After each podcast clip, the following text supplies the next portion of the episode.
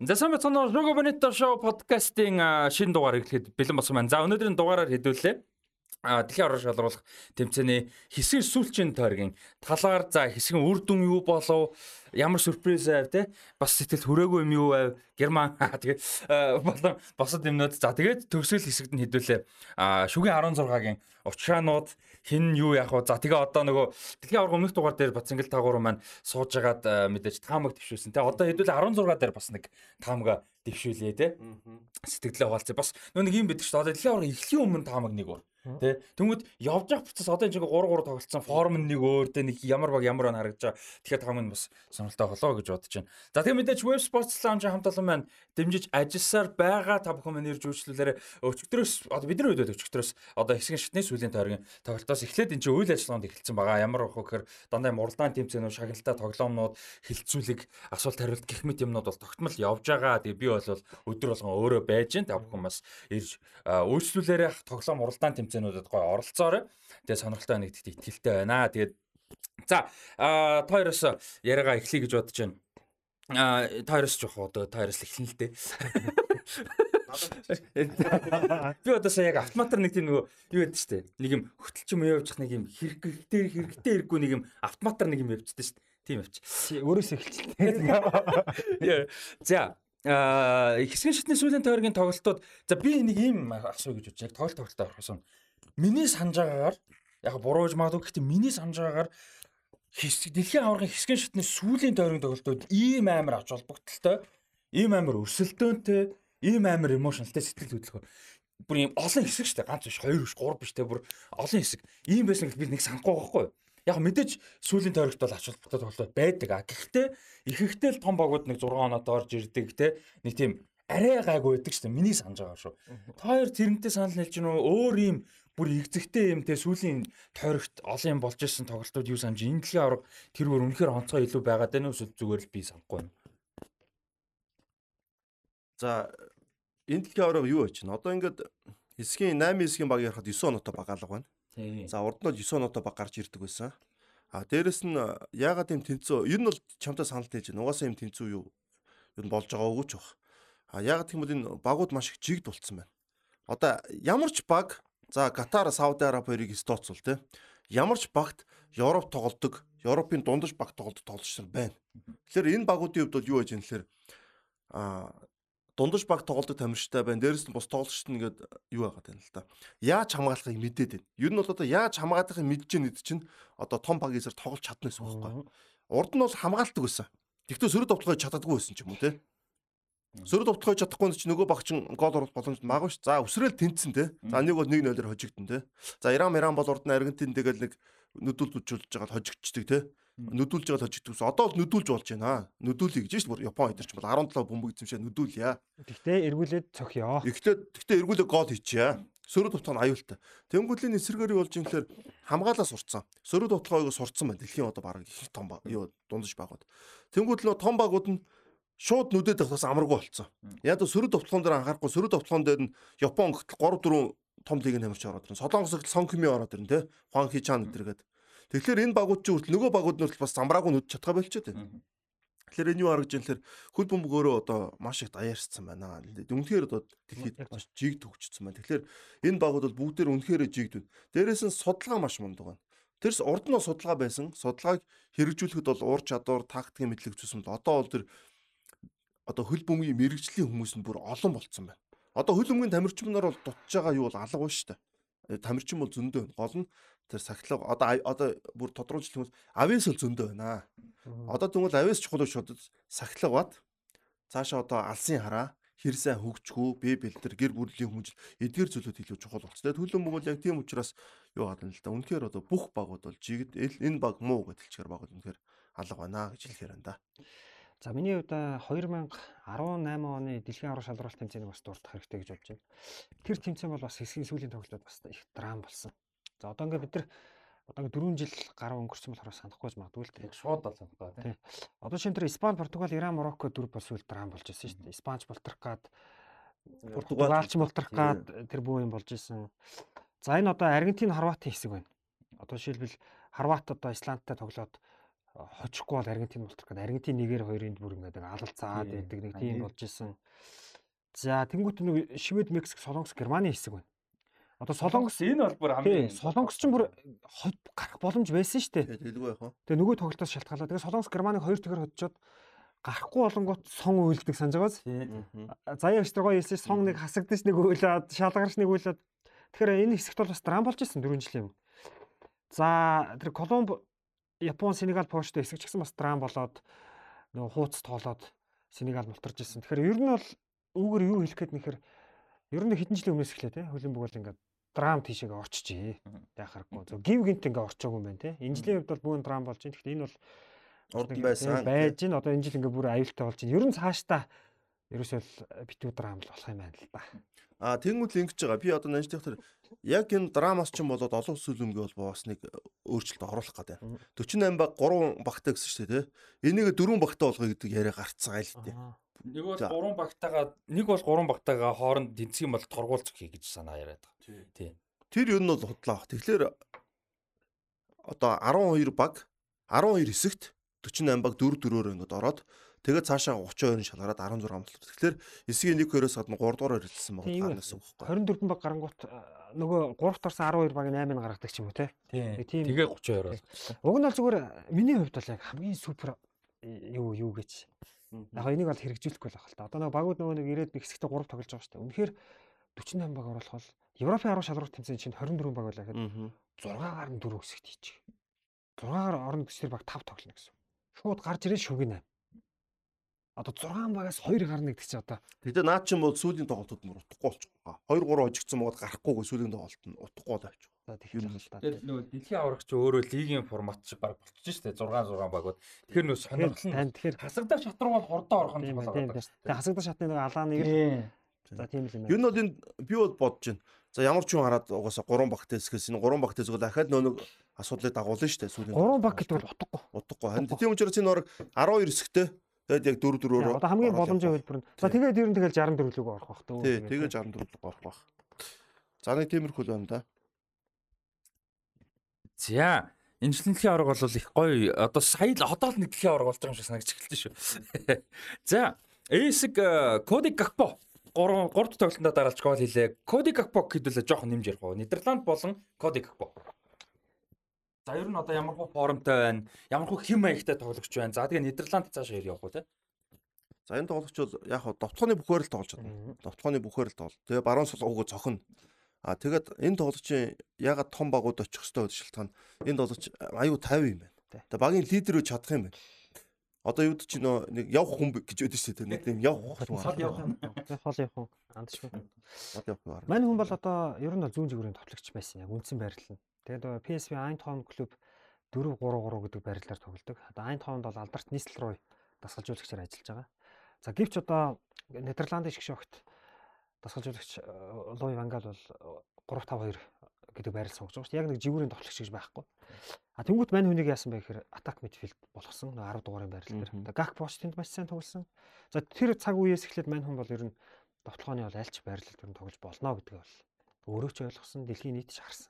Одоо бол одоо хоёр довтчийн нэгээр тоглож штэ. Өнөөдөр шин тоглоно. А сүүлд юу яасан те? Нөгөө атактер тоглоодсон шүү дээ. Атактер тоглосон бас довтол яг өөрөө довтолч дээр тоглосон. Дээр бол яг нөгөө нэг Дэви класс нэг гард нь гар. Юу н Дэвид класс нь гараад байгаа. Тэнгүүтээ юу яасан? Атактер. Класс нь хаалбар суугууд довтлогч атак руу орсон шүү дээ. Тэгээ энэ бол энэ дэлхийн авар дээр юу бах вэ?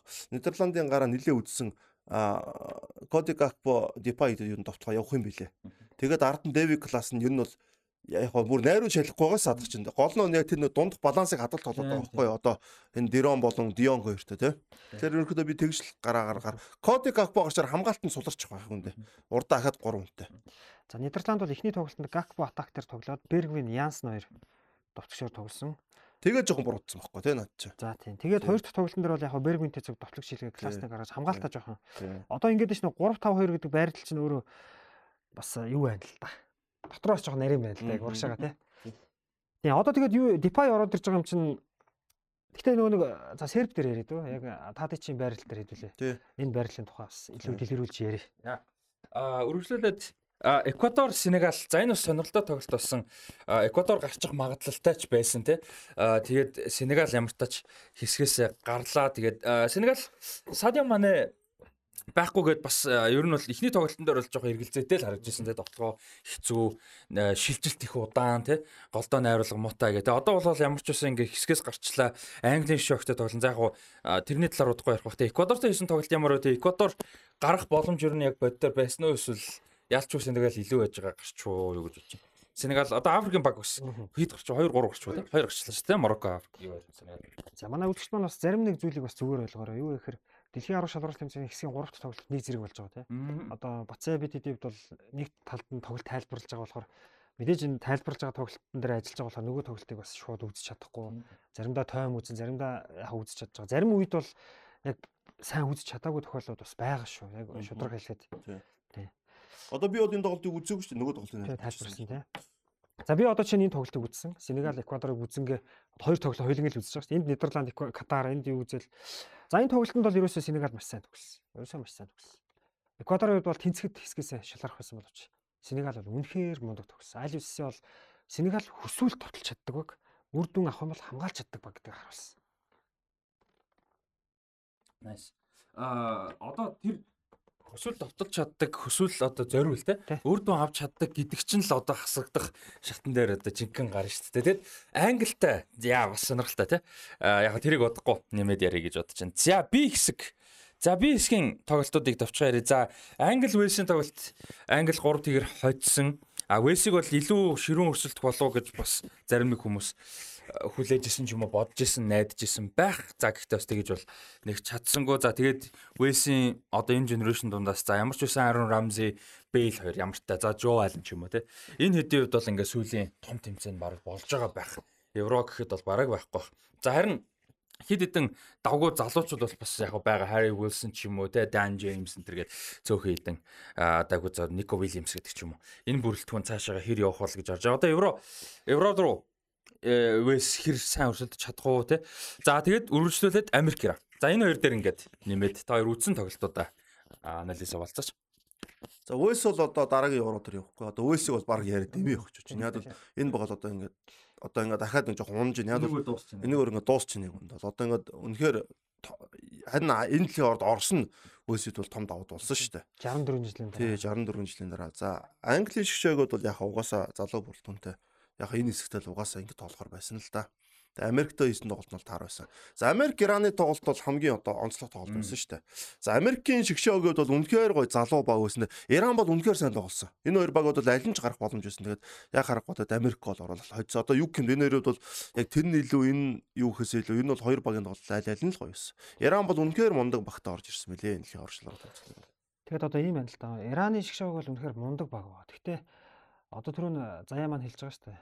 Өмнө ч хэлжсэн. Юу гэхээр Аз, Африкийн багууд, Европ, Өмнөд Америкийн багуудаас дутгаа болчихжээ.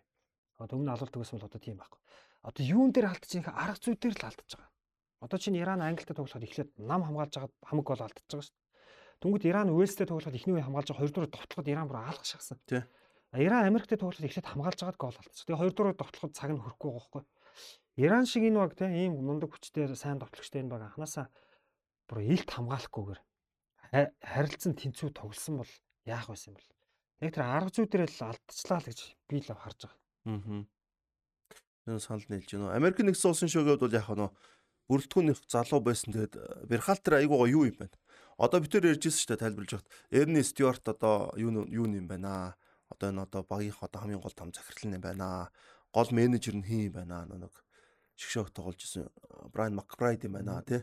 Тэгээ дээрэс нь энэ эдгээр хүмүүс ч одоо удирдлагын тухайн үеийн 2000 оны их их оны Америкийн супер ингээд одоод байгаа шүү дээ. Америкта супер одоод. Эдгээр тамирч ингээд удирж байгаа учраас эдгээр чинь хэнийг хин гэдэг мэдж байгаа. Одоо за Дона хүн бол нэг юм хүн. Берхалтер юм, Эди Поп юм хүн мэдж байгаа. Тэнгүүтээ сантрээс хамгийн ерөн сэрэг хамгийн юу гайг нь одоо гэрэг Берхалтер байна гэдэг. Берхалтерыг авчраад ингээд тавьчихсан. Тэр нэг зөвдөж байгаа байхгүй. Энэ цагийг багийг гоё басгаж байна. Өөрөөс нь өөрөө төвийн амлалчдаас хатуу ширүүн бас том төвийн амлалч байсан. Энэ багийг бол яг тим хүмүүсийн ба- зан характераас айгуу тийм юу гэдэг шүү дээ. Шийдэмгий байдаг шүү дээ. тий. Тэр тал дээр харагдчихлаа. Энэ залуу багийг бол Берхалтер маш гоё босгож ирсэн. Тэгээд Америкийн нэг давуу тал нь л систем нь сайн учраас яг харахгүй сайн удирдлагын системд очиод сайн хүмүүс ингээд татаа гаргаад ирдэг.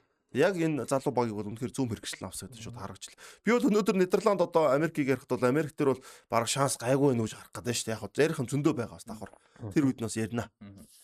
Энэ залуу бүрэлдэхүүн байна. Тэгээ одоо дараагийн дэлхийн энэ дэлхийн аваргаар мэдээж одоо их сайн тоглох хэрэгтэй. Тэрнээс гадна нөгөө гол юм нь туршлага тий. Одоо эдгээр чинь ингээ амар том туршлага суучингууд дараагийн дэлхийн аварга нутаг дээр нь штэ.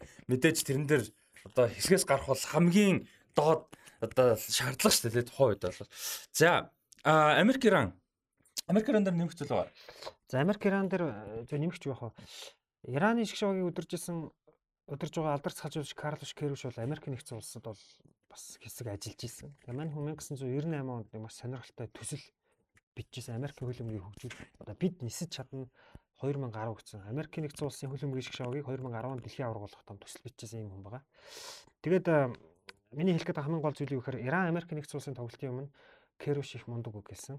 Сүүлийн 20 жилийн хугацаанд Америк нэгдсэн улс сокрос футбол руу шилжиж чадсан гэж хэлсэн. За ийм сайхан үгээр одоо энэ хэсгийн тухай яриг төгсгөл бас илүү учиртай байж магадгүй гэж байна. За гоё төгсгөлийн тавилаа дараагийн хэсэг рүү шууд орчих. Түүнээс Франц нийтийг ярьцаатай өндөрсөн. За төгсгөл нь бол си хэсэг. Си хэсэг те. За энэ дээр бас нэг сонирхолтой юм болсон. Яг түүнээс нийтгээр хожиж явж байгаа 57 8 хоног би яг нэг хажууд тийш хальт хальт өөртөө өөрөөр орчоод ирсэн чи гол харцээс. Аа тийм нийтгээр хожиж явж байгаа бүр төгсөл тэр дээр нэг 8 дээр Гризман гол хийгээд тэнцүүлсэн. Тэгээ шүгэл дуграад тоглолт одоо үргэлж исэн. Ер нь бол яг түрээс бөмбөг гаргаад тэгээд нэг явж байгаа л дуус байсан л да. Ер нь бол цаг нь дууссан байсан. Тэгээ нэг тэгжсэн чинь вар шалгахаар болоод шалгаад нөгөөдгөө туслаад болиулсан. А тэгдгсэн чинь сая сүлд энэ гол ягаад одоо цуцлагдах ёсгүй байсан бэ? Вараар хэрвээр шалгаад уул шалгасан те отон гэж үзсэн. А гэхдээ отон биш байсан ч гэсэн мөн байсан ч гэсэн ерөөсө туцалах ёсгүй байсан гинэ. Яг дууссан. Тийм. Цаг нь яг дуусааг байсан. Гол нь тэрэг үр дүн юу хараад, ваар хараад шалгаад эцсийн шийдвэрээ гаргаад түүнээс бөмбөг тоглолтод оролцуулсан гэд игдсэн байсан байхгүй. Тэгээ дөрмийн дагуу бол яг FIFA дээр. Бүр яг дөрмийг нь ингээд хайлайт хийсэн байсан л да бүр ингээд гаргаад ирсэн. Энэ бол буруу ингэх бол ёсгүй байсан. Анхнаасаа шийдвэр нь зүг байх хэрэгтэй байсан уу байсан. Энэ өөр нэлээд эргэлзээтэй. Ер нь отон гэж байгаа эргэлзээтэй байсан. А гэхдээ шийдвэр нь хараад тоглолт орцсон тэгээ яаж тоглолт дуусч байгаа шүү дээ. Тийм учраас болохгүй байсан гэдэг нэг юм бол яригдж байна лээ. За нөгөө тоглолт нь болохоор Австрал, Данмарк, Данмарк нэ Денмарк, Дан Австрал дэлхийн аваргын түүхэндээ 3 дахь хожлоо авлаа. Тэгээ энэ хожлын ачаар мөн хэсгээс шалгарахаар болсон. За энэ хоёр тоглолтын талаар. За Растиман сая D хэсгийн тухай ярьчлаа тий. А би D-г нэрсэн. А тэгээ C чи Аргентин шүү дээ. Яг би нөө тоглолтын дараалал ярьсан. Sorry. Би C гэчээд D-г нэрсэн авчихсан. Энийг нөр яриач хэрэг орч.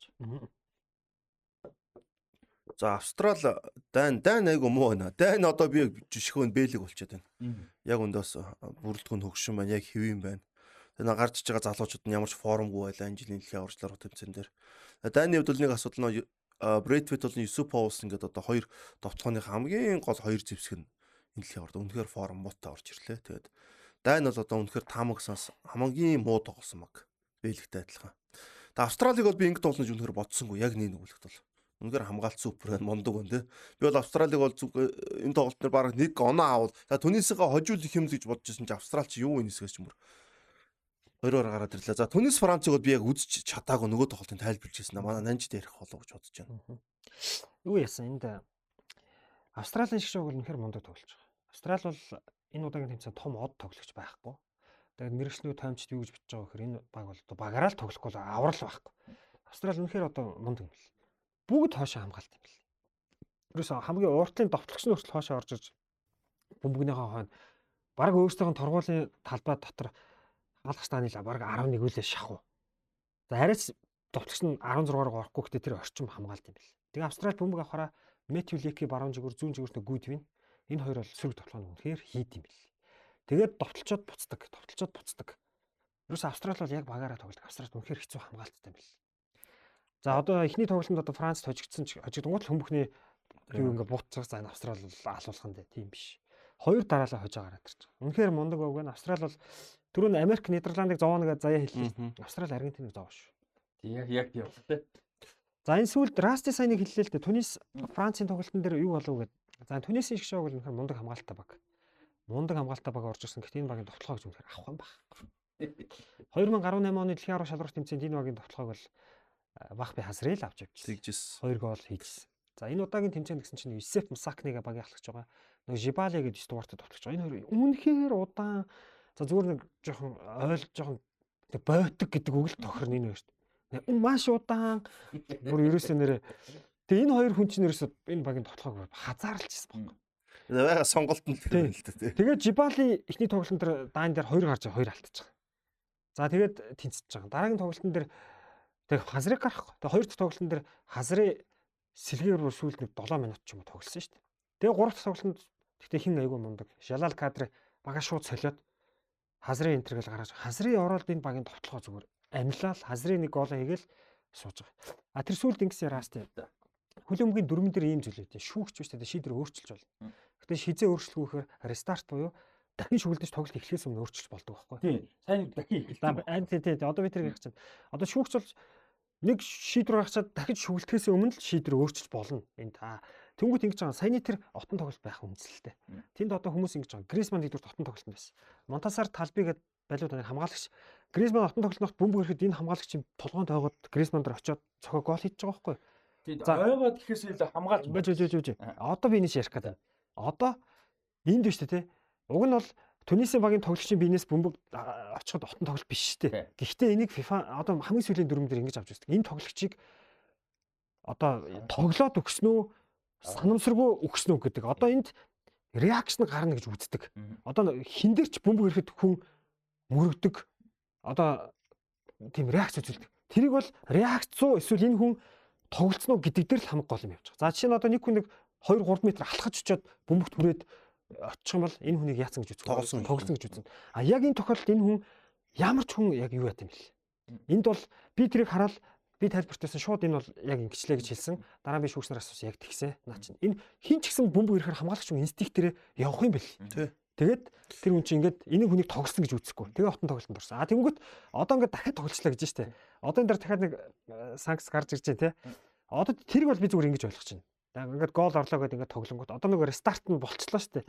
Одоо энэ вартал холбоотой болоо гэж байна. Одоо вар чи сүүлийн үед баг нэг довтлогоо яваад нөгөө хаалганд гол хийцний дараа болиулаад энд юм тийм тохиол гар зөндөө орсон шүү дээ. Зөндөө орсон. Тэгэхээр одоо энэ бол вартал холбоотойгоор яг одоо голын хэмжээнд бол тийм асуудал гараагүй шүү дээ. Яг юу гэдэг нь товтлогоо явж байгаад өмнө нэг пенальт шалгадаг ч юм уу. Тэгээ өөр тал товтлогоо явжсэн чинь өмнөгөө өмнөх багийнх нь хамгаалж байгаа багийнх нь товтлогоон дээр одоо пенальт шалгаж малгах. Тийм бол гарч ирсэн л та. Гэтэ гол оруулаад за тэрийг мэдээж офлоо отон гээд тооцоон болоод биш тооцоод тэгээ эхлэнгүүтээ явж байгаад болиулна гэхээр жоохон гол нь асуудалтай харагдаад байна л да. Тийм тул зөндөө гарсан шүү дээ. Премьер лиг дээр зөндөө гарсан. Орсны дараа Орсны дараа тэр голын цуцлаад энэ энд нь отонд байгаа юу болсон. Тим зөвхөн зөндөө гарсан гарсан. Ягаад гэх юм бол энэ вар чи энэ эдэн амьсгал шин. 18 он дэлхийн ордоор гараад дараа нь лигүүд хэрэгжилж өгсөн. Лигүүд ихний эдэнд юу самарсан шүү дээ. Самарсан яг үндэ бол шүүгчнэр нь бол. Яг шүүгчнэр та нар санаж байгаа 18 оны дэлхийн ордоор баг гол болон торуулын цогт гарсан шүү дээ. Эдгээр шүүгчин тасаагүй, тоолгоч нь тасаагүй шиний байсан ба. Одоо энэ жилийн дэлхийн ордоор вар 11 өгж гинөө. Баг байгааз. А яг наад чинь лиг дээр гэрсэн байхгүй юу? Би Премьер лиг тайлбарлаж байгаа шүү дээ. Премьер лиг тайлбарлана гэдэг үзэж байгаа юм бас давхар тий.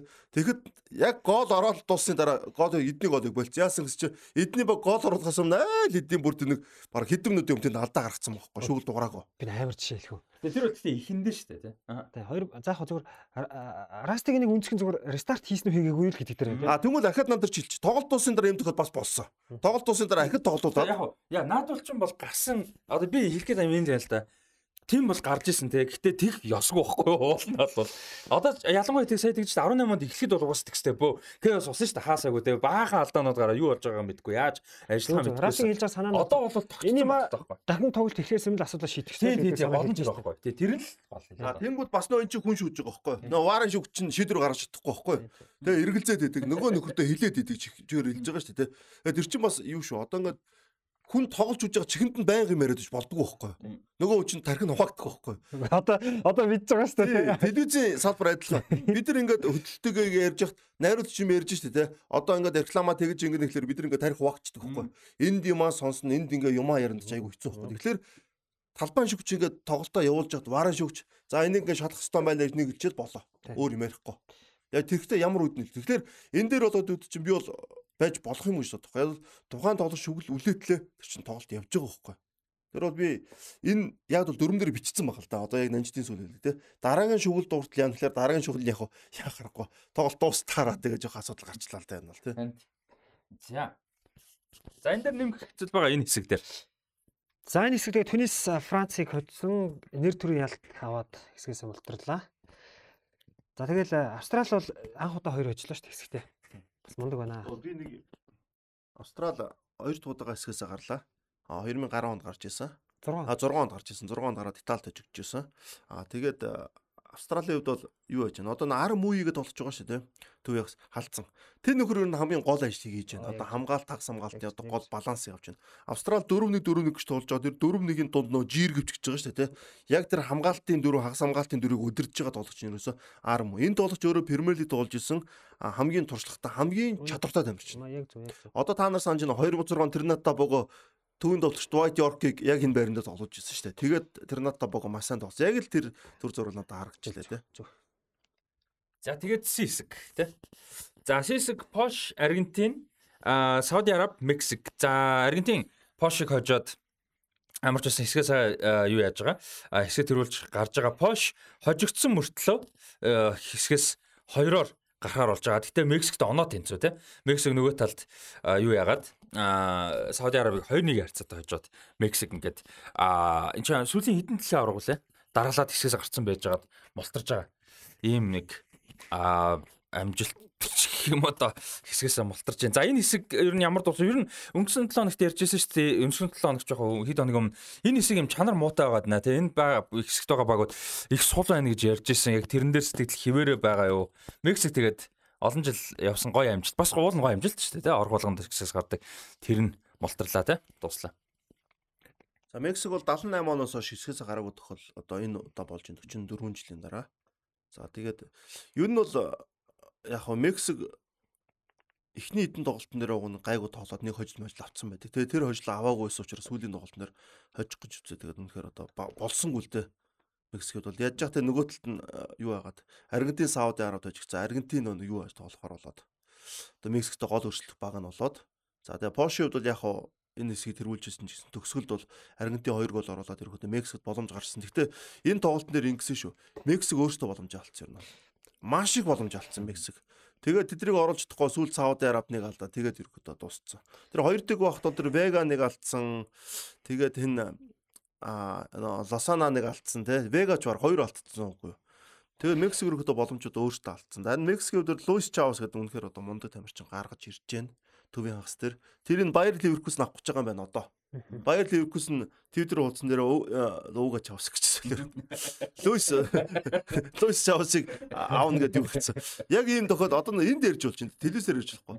Нэг ийм адилхан нэртэй тоглолчдыг бид андуурах гэдэг. Би шийдвэл Карлос Кастро гэдэг Кострокыг навчныг Фидел Кастро гэж аюу хилээд тэр нөө бичлэг байсан учраас тэрийг ингээд янзлаад гаргаж ирсэн тийм тохиолдол байдаг. Байдаг тийм тохиолдол. За тэгээ Мексикийн шгшааг бол өөртөө 3 тэг гэсэн 3 голын зэрэгтэл хожигдсон бол нөгөө тоглолтоос үл хамааран гарах байсан. Өөрт өөрсөнд нь боломж байсан боловч боломжууд бол алдсан. За Аргентины шгшааг бүрэлдэхүүнээс дахиад юу яасан те. Дахиад ингэж өөрчилсөн. Тэгээд Аргентин 1-р үед Месси нэг тургуулын цогт алдсан. За 2 дугаар үед дөнгөж эхлээд Макалистер гол хийж иж тоглолт бол сэргсэн те. сэргсэн. Тэр Мессигийн гоолн дээр бас одоо манай Central Televis дээр Монголын хөлбөмбөг холбооны зэрэгтэй бас олон шүүгч ажиллаж байгаа шүү дээ. Тэдрээс ингээ асуухт энэ бол байж болно л гэдэг зүйлийг хэлсэн. Яг хөө тэгээд зарим хүмүүст бол нэг хямдхан пеналт харагдаад нэг FIFA нэг Мессиг нэг дэмжиж байгаа юм шиг бас ойлголт ганц нэг хүнд бас төрсэн байж магадгүй. Гэхдээ энэ бол бүгд болохоор үйлдэл гэж бас мэрэгжлийн шүүгч хүмүүс бас хэлсэн шүү. Юу ихний тоглолтын пенальт дээр үү? Эсвэл энэний алддаг дээр үү? Одоо энэний энэний А энэ дээр те. Зогчдоо шүү дээ. Тийм. Одоо шийдэл ингэж байгаа. Аргентины гарааны бүрэлдэхүүн дээр би бол энэ дэлхийн аваргаас өмнө хэлсэндээ Макалистрийг гаргах ёстой. Макалистрийг гаргаж иж энэ баг сайн тоглоно. Яг тэгэхээр нөгөө багийн балансыг харахаар Макалистр яг гой тохироод байгаа байхгүй юу? Энэ тоглож байгаа гэх юм бол одоо Брайтны тоглолтыг манайхан үзэх юм бол юу харна дөө. Брайтны төвөөх сэрэн тоглож байгаа. Макалистр Кайседо өөр тоглож байгаа байхгүй юу? Дэлхийн авраар бужигнуулж байгаа. Тий. Тэгэхэд одоо Брайтны бужигнуулж байгаа тоглолтыг ашиглахгүй байгаа баг ер нь бол жоохон юу байгаа даахгүй тийм. Хохироод байгаа ч одоо Тросарыг ашигла ашиглахгүй байна тий. Кайседог ашиглаж байгаа баг ямар ашиглаж байна? Ступиняныг ашиглаж байгаа баг ямар явж байна тий. Тэгэхэд Аргентин Макалистрыг ашиглахгүй байсан байхгүй. Тэгээ сүүлийн хоёр тоглолтод ашигласан. Энэ тоглогч өөрөө одоо юу ч юм дэ багийн баланс айгүй хэрэгтэй тоглодог байхгүй. Одоо довтлогоо хамгаалтанд жиг тоглодог, байнга бөмбөг нэхэд байхгүй зөв гүйдэг, багийн лидерүүдэд тусалдаг, довтлооны тамирчдын ард айгуугаа ингээд ард нь бол тоглодог. Тэгэд Макалистер гарсаар юу нь бол Аргентин тоглолтнод би хамаагаас өөр болж байна гэж ерөөдөө хэлмээр байна л да. Тэгэхгүй тэгэл одоо Диподо сүүлийн тоглолтноор харин гайгүй тоглосон байл шүү дээ. Тэгээс эхний хоёр тоглолтноор их муу тоглосон байсан. За энэ одоо хэсгийн тоглолт Аргентины хувьд бол одоо ингээд харахад маш зөв л болчихлоо л доо. Аргентин зүгээр эхлээс Сауди Араби гэж нөгөө хэдэ гэж 9 оноотой гараад ирсэн бол маш их алдаа дутагдлын магт бас байж байгаа те. Тэрийг олж харахгүй байна шүү дээ. Бүх юмаа олоод хараад маш хүнд. Одоо Сауди Арабид тожигсны дараа тоглолт болгон шигшээ тоглолт болно гэсэн бүх юмаа зориулаад нэг ч гол алдсангүй. Тэ? Баг голын айхтар за Мексик нэг эхний үед нэг чөлөөт тоглолтоос нэг айхтар цогтөг. Бусдаар бол Аргентин бол маш нэг тоглолоо шүү дээ. Энэ одоо энэ багийн хувьд магадгүй өөр өөрийгөө олцсон. Одоо бусад багуудтай бодоход бол аюул том давуу тал болов л гэж бодсон. Зөв зөв санал нээж байна шүү дээ. Гол нэг нэг Аргентинаас сул байгаадсан төвийн хагас товтлооны асуудлуудаа за бүтэн шийтгэн цаашаа. Гэтэ одоо Энцо Фернандес ингээд тоглолтын дунд тэмцээн дунд формт болчлоо тий. Альварес гол хийгээд ингээд нэг тийм өөрийнхөө итгэлээ олоод авчлаа. Бас ер нь бол явж хангах магадлал айгүй өндөр болчихно тий. Скалоныг бас өнлмөр байна. Ягаад гэх юм бол одоо Энцо Фернандес гээд энэ ч одоо цэвэр дефенсив мидфилдер тоглож байгаа биш шүү дээ. Ийм тоглогчийг одоо яг нөгөө цэвэр дефенсив мидфилдер тал руу тоглуулж байна. Тэнгүүд энэний балансаар Макалистрийг оруулж ирчих байхгүй. Макалистер чинь төв рүү ороод яг тэр Депол тэр өөртөөгөө довтлооны төвийн 3 ас үзэгчиж байгаа байхгүй. Яг тэрнийхээ хүчинд хин чин урагшаага тэр голыг оруулж штэ 16 руу нэвтэрч орж ирээд зүүнээс ингэ зүсч орж ирээд баруунаас ирсэн мөнгийг шууд цохоо. Тэгэхээр энэ дээр дасгалжууд скалоныг бол юм ахтгаа. Хуучин аргидын дасгалжууд яадаг гэхээр яг дефенсив мидфилдер бол дефенсив мидфилдерээ л гаргадаг. Төвийн хагас бол төвийн хагасаа л гаргадаг. Тэнгүүл нөгөө Банега ч юм уу төвийн хагасуудын чадвар нь үрдэггүй. Яг тэрүүгээрээ тоглодог бол дасгалжуулагч бол яг тийм зөрөгтэй шийдвэр гаргаж одоо юу гэж Энцо Фернандесыг гаргаж ирсэн, Макалестрийг гаргаж ирсэн. Яг нөгөө цэвэр дефенсив мидфилдер яг шууд тэр гэдэг хэлэхэд хэцүү боловч эдгээр тоглож төвийн хагасаар айгүй гоо жиг тоглоод Яг ийм л тоглолт байхгүй энэ орчин үеийн тасалжуулж тэгэхгүй тэгэл нөгөө нэг парадсаа төвийн юу хамгаалалт чиглэлийн хасанд тоглуулаад гэсэн мэт энэ баг одоо ингэж явахгүй. Тасалжуулагч бол магтмаар шүү. Энэ удаагийн дэлхийн арга шалралт тэмцээнд оролцсон хамгийн ахмад тасалжуулагч бол Луи Вангал 71 настай, хамгийн залуу нь Скалони 44 настай. За Скалоны хүмүүс ингээ Аргентин хүн за мэдээж энэ Аргентин хүн. Аргентин төхөөлөн бүгийн боловсрал эзэмшээд Европт явсан. А тасалжуулагчийн боловсралыг бол ерөөсөө Европт эзэмшсэн бэл. Ерөөсөө Европт. Тэгээд мань хүн чи харилцаа хандлага бүх юм дээр бол мундаг юм байлээ. За магадгүй зүгээр яг нарийн стат бол байхгүй. Аа За яг юу л яах вэ хэл та нөгөө Бразил ч гэдэм үү, Португал ч гэдэм үү, Франц ч гэдэм үү энэ багууд нөгөө хэсгийн эхлээ хоёр хожицсон шүү дээ. Тэгсний дараа ингээд нэг талбай дээр гардгүй тоглолттой их гаргаж байгаа. Зөвхөн бусдаараа яг хэсгээс гарах гарахгүй нь эзэгтэй үед Аргентин бол хамгийн их юу хийсэн л гэж бодож. Одоо тэр Парадесыг суулгаж байна. Димариаг суулгаж байна. Жигүүрийн хоёр хамгаалагчдыг байнга сольж байна, тий. Түүний хамгаалагч аа сольж байна. Зөвхөн урд давтлагч аа солилоо. Тий. Мессигээс бусдын л бараг солилоо шүү дээ. Хаалгач Месси ерөөс бусдын. Депод Мартинес. Тий, Мартинес тэр гурав. Милано бусдын гурвыг л бусдын бол ингээл инглээ шүү дээ. Тэгэхгүй бол ихний ингээ Сауди Араби хожил хожил ерөөс бол Парадес нь гараад ирдэг 16 дээр нэг ингээл дуслаа шүү дээ. Досэлсо явсан бол бас солих нь бүр баг байсан. Тэ Макалистрын дээр тоглох боломж баг байх байсан болов. Досэлсо маш хэрэгтэй юм биш. Тэ хэрэгтэй шээ. Ер ялангуяа Сауди Арабид бүр амар мэддэгжсэн.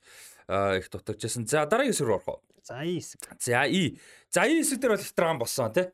Мэдээж дөрөв удаагийн дэлхийн аварга Герман мултралаа Япон хэсгээ тэргүүлж гарч ирлээ. Японыг бол хэсгээс гарна гэдэг магадлал их байсан. Ер нь бол ярьжсэн. За гэхдээ тэргүүлж гарч ирнэ гэж бол мэдээж бодог бах. За тэгээ Коста Рика дээр ер нь гараа тактика зөв сонгосон бол ер нь баг худалч нь 9 оноод гараад иржгээр баг иймэрхүү гоё тоглолт боллоо. Тэгээд Япон цаашаа хэр явна гэж бодож чинь тэгээд Герман евро тий 2 жилийн дараа евро талбай дээр зохион байгуулна Тэгэхэд ер нь хэр гайгүй шилжиж орж ирэхээр харагдаж байна. Одоо уул нь бол залуу шүү дээ. Гэтэ хамгаалалттай. Герман бол гайгүй шилжих баха. За Месут Özil 2018 онд дэлхийн орд мултарсан дараа ингэж хэлжээсэ.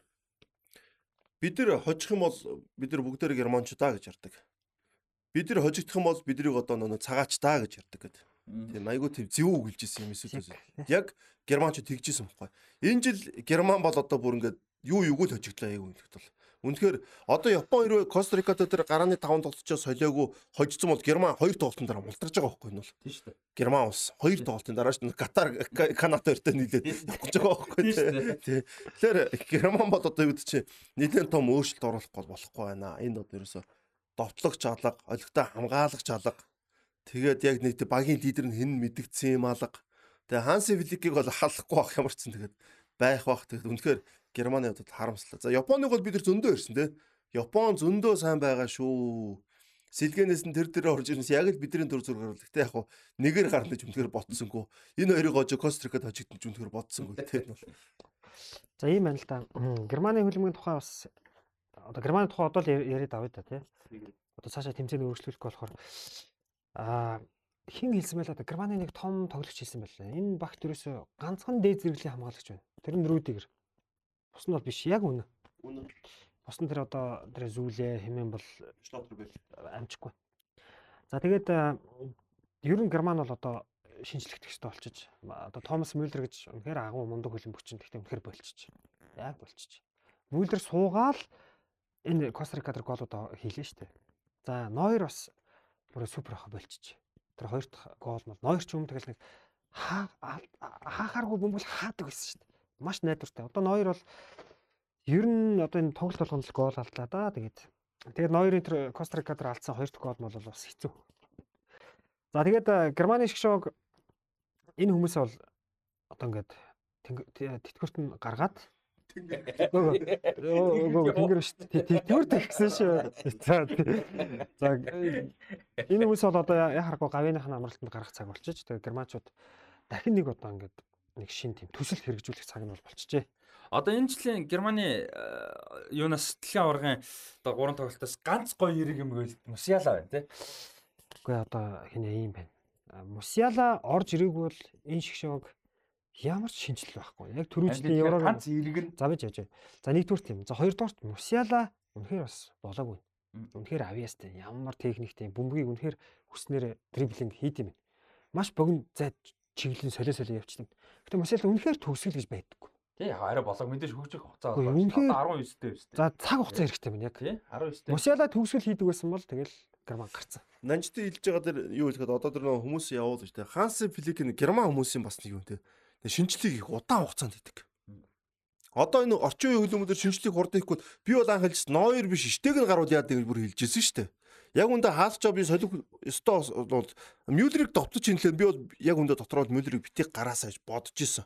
Кай Хавар довтлож чигээд одоо энэ багийн чинь шинжлэн би бол Мюллер ноёр хоёр дээрээс бол бүр ингээд тэгэхээр тэгээд үнэхээр хамгаалт муу юм одоо. За ийм баг заа. Одоо штегнийг гаргаад ноёрыг суулгах гэж байна шүү дээ. Тэр чинь тохиромжгүй байхгүй. Зүгээр ноёрыг суулгах чивэл авахгүй л байх шүү дээ. Тэгэхээр үлдээдэг Тий. шиг л. Рамос бас яг тийм байхгүй. Рамосыг тоглохгүй. Гэтэ тэрүүн сэлгэндээ яах суулгахгүй. А тэрний он зүгээр тоглохгүй л яах вэ? Авахгүй. А тэнгууд хэдүүлээ нэг дэлхийн арга шалралт тэмцээний өмнө ийм таамгууд явж байсан. Штег нарах уу? Би бол шууд байсан ноёр аав. Ноёр бүрэлдэхүүн багцсан л яах вэ? Ноёр тоглоно. А ноёрыг тоглохгүй л юм бол багтаахгүй. Ноёрыг дид хаалгачаар авчрахгүй. Ноёр өөрөө ч явахгүй. Тэгэхээр энэ ноёрын нэг зүгээр сэлгээнд авах биш зүгээр болох хэрэгтэй. Кевин Трап байгаа тий. За дээрэс нь Берн Лено Лено гэж болж байна. Ерөнхийдөө бас байж сонголтууд бол байж л үжилтэй тий. Тэг нь бол одоо 30 таа штэ. Бас гайгүй. Тий хаалгач одоо евро дараагийн дэлхийн аварга хоёр дээр бол байх боломж бол байгаа. Яг энэ тоглолт дуусны дараа юу байсан байхгүй бэлгүүн битэр Костарикагийн тоглолт тайлбарлаад манай бэлгүүн нэг Бундслигийн алдар тайлбарлагч. Бэлгүүн надаас суухгүй штег нь хэдтэй үлээ гэхээр би 30 таа гэсэн чи цаа чинь за нэг дэлхийн аврах шалралт тэмцээнд одоо 4 жилийн дараа байгаа юм байна. Тэгээ тэгэл ер нь тасарч байгаа юм биш үү Германы халдч боломж тасарч байгаа юм биш цааш тэгсэн штэ Одоо хэцүү хэцүү. Трап мап чи бас яг одоо юу гэдэг Германы дэ хаалгач байхаар бас яг бол биш шүү дээ. тэгээ Лено хэцүү Тийм Лено ч одоо баг тэрстигийн дэж 100 баг шүү. Лено ч одоо уус карьер нь ороод байгаа шүү шүү дээ. Ноттинг Форст явж байгаа шүү Эми Мартинес далаас шүү. фул юм уу Фул юм билүү? А тийм фул юм тийм фул. за Испани шиг шоу хэдүүлээ бас фул юм. хэдүүлээ 7 нэг юм ярьсан штэ нэг Алонсо Маркос Алон Марко Алонсо хин хоёрын Асенсио. А Марк Асенсио хин хоёрын а Мората гэдэг. Энэ хоёр довтлогч ингээ Моратаг яаж хурцлж ийн гэдэг. Тэг хүмүүс ингээл Моратаг шүүмжлээлээдэг ингээл жоохон мим хийгээд идэв шүү дээ. Би бол Моратаг өмөрөөдөг. Наад хүн чи гол хийдэг. Мората хэсгийн 3 тоглолт 3 гол хийсэн. 6 6.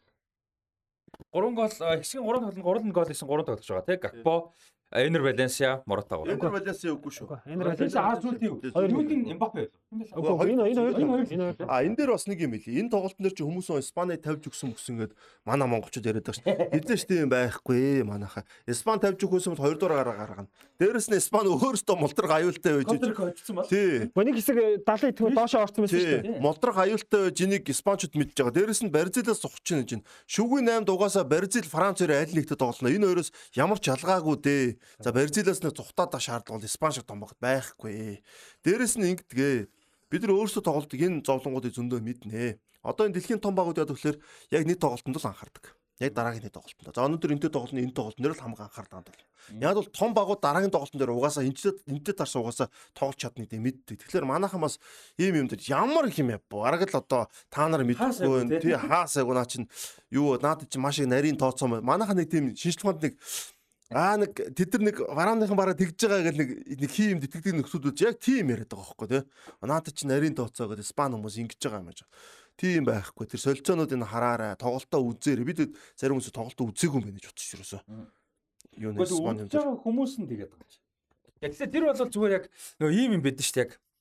Бодит мэдээлэл фактыг нүдэн дээр харж байгаа да биш байхгүй. Ойлгомжтой. Уусаа үзэхэд ойлгомжтой дээ. Энд чинь Коста Рика хожиж байгаа үед яг Герман сүлдгөө хийгээд тэ хоцсон л та. Гэхдээ Коста Рика хожиж байгаа Испани болтож байгаа шүү. Тэр ямар ч боломжгүй байхгүй. Зүгээр бодоол үзэх наацхан тэ.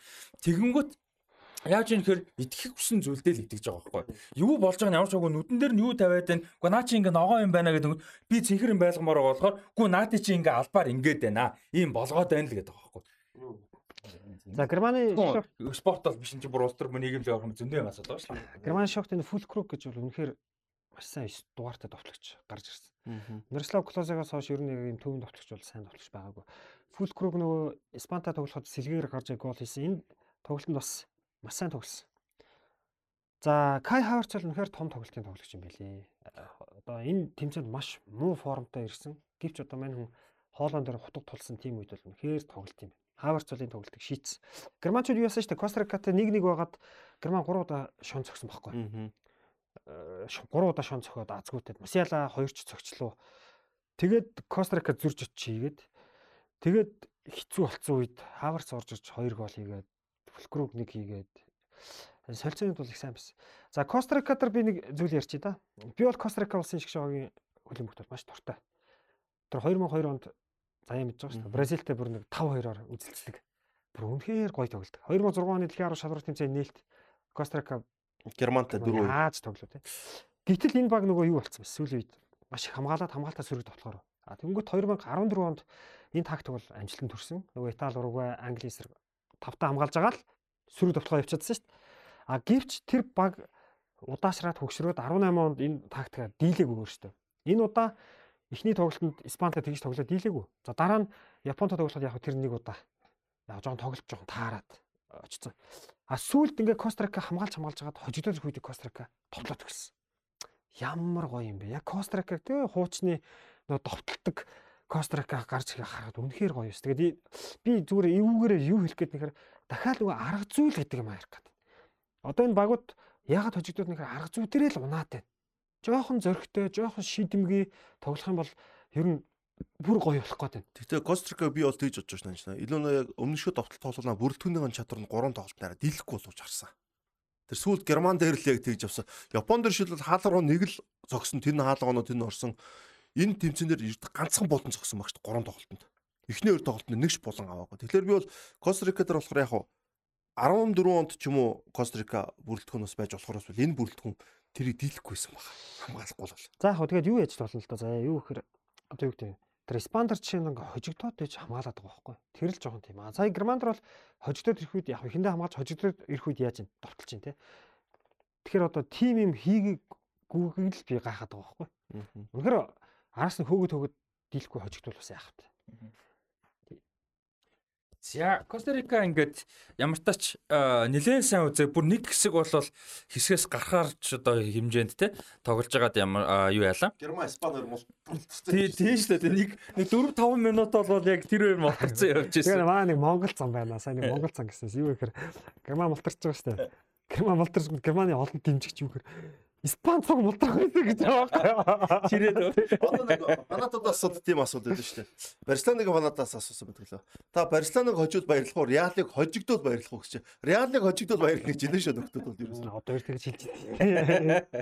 За тэгээд мэдээж энэ хэсгийн гоё юм. За Испанийг яриад Япон тий.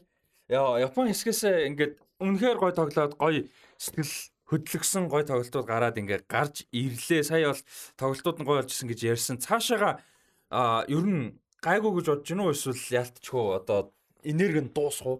дуусахгүй Японч бүрэлдэхүүнсээ дана дасгалжуулагч л одоо ингээд дасгалжуулж инглээ.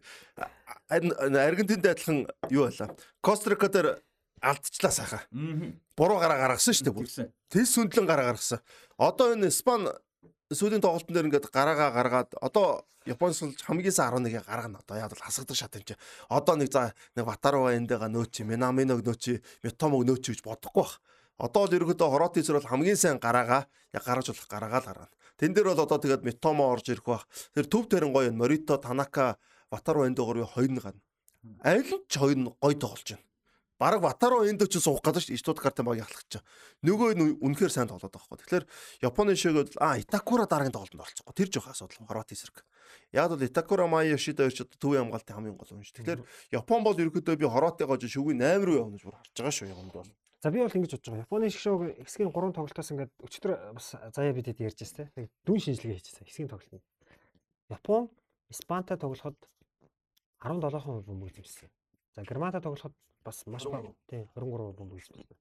Нөгөө хоёр нь бол бүр 700-аас бүр Испанч баг 1000 хэдэн 1058-д амжилт өгсөн ч гэж байгаа шиг. А түнгөт Япон өөрөө Кострикад тоглоход даваа бөмбөг эзэмшиж байгаа шүү дээ. Эндээс энэ баг ямар үед сайн тоглох вэ гэдэг нь харагдаж байгаа. Хамгаалтаас сэрэг тоглохоор сайн тоглож байна. Хамгаалт сайн байна, сэрэг тоглохоор сайн. Одоо бид нар хэлж дэлхийн аваргын Япон яг Герман, Испаниор зөөрөж бүрэлдэхүүн авчирсан гэсэн. Одоо яг тэр л байна тий. Одоо тэгээд яг эндээс зүгээр яхаар хасагдах шатанд одоо ямар багтаа таарахаас л их юм шалтгаална.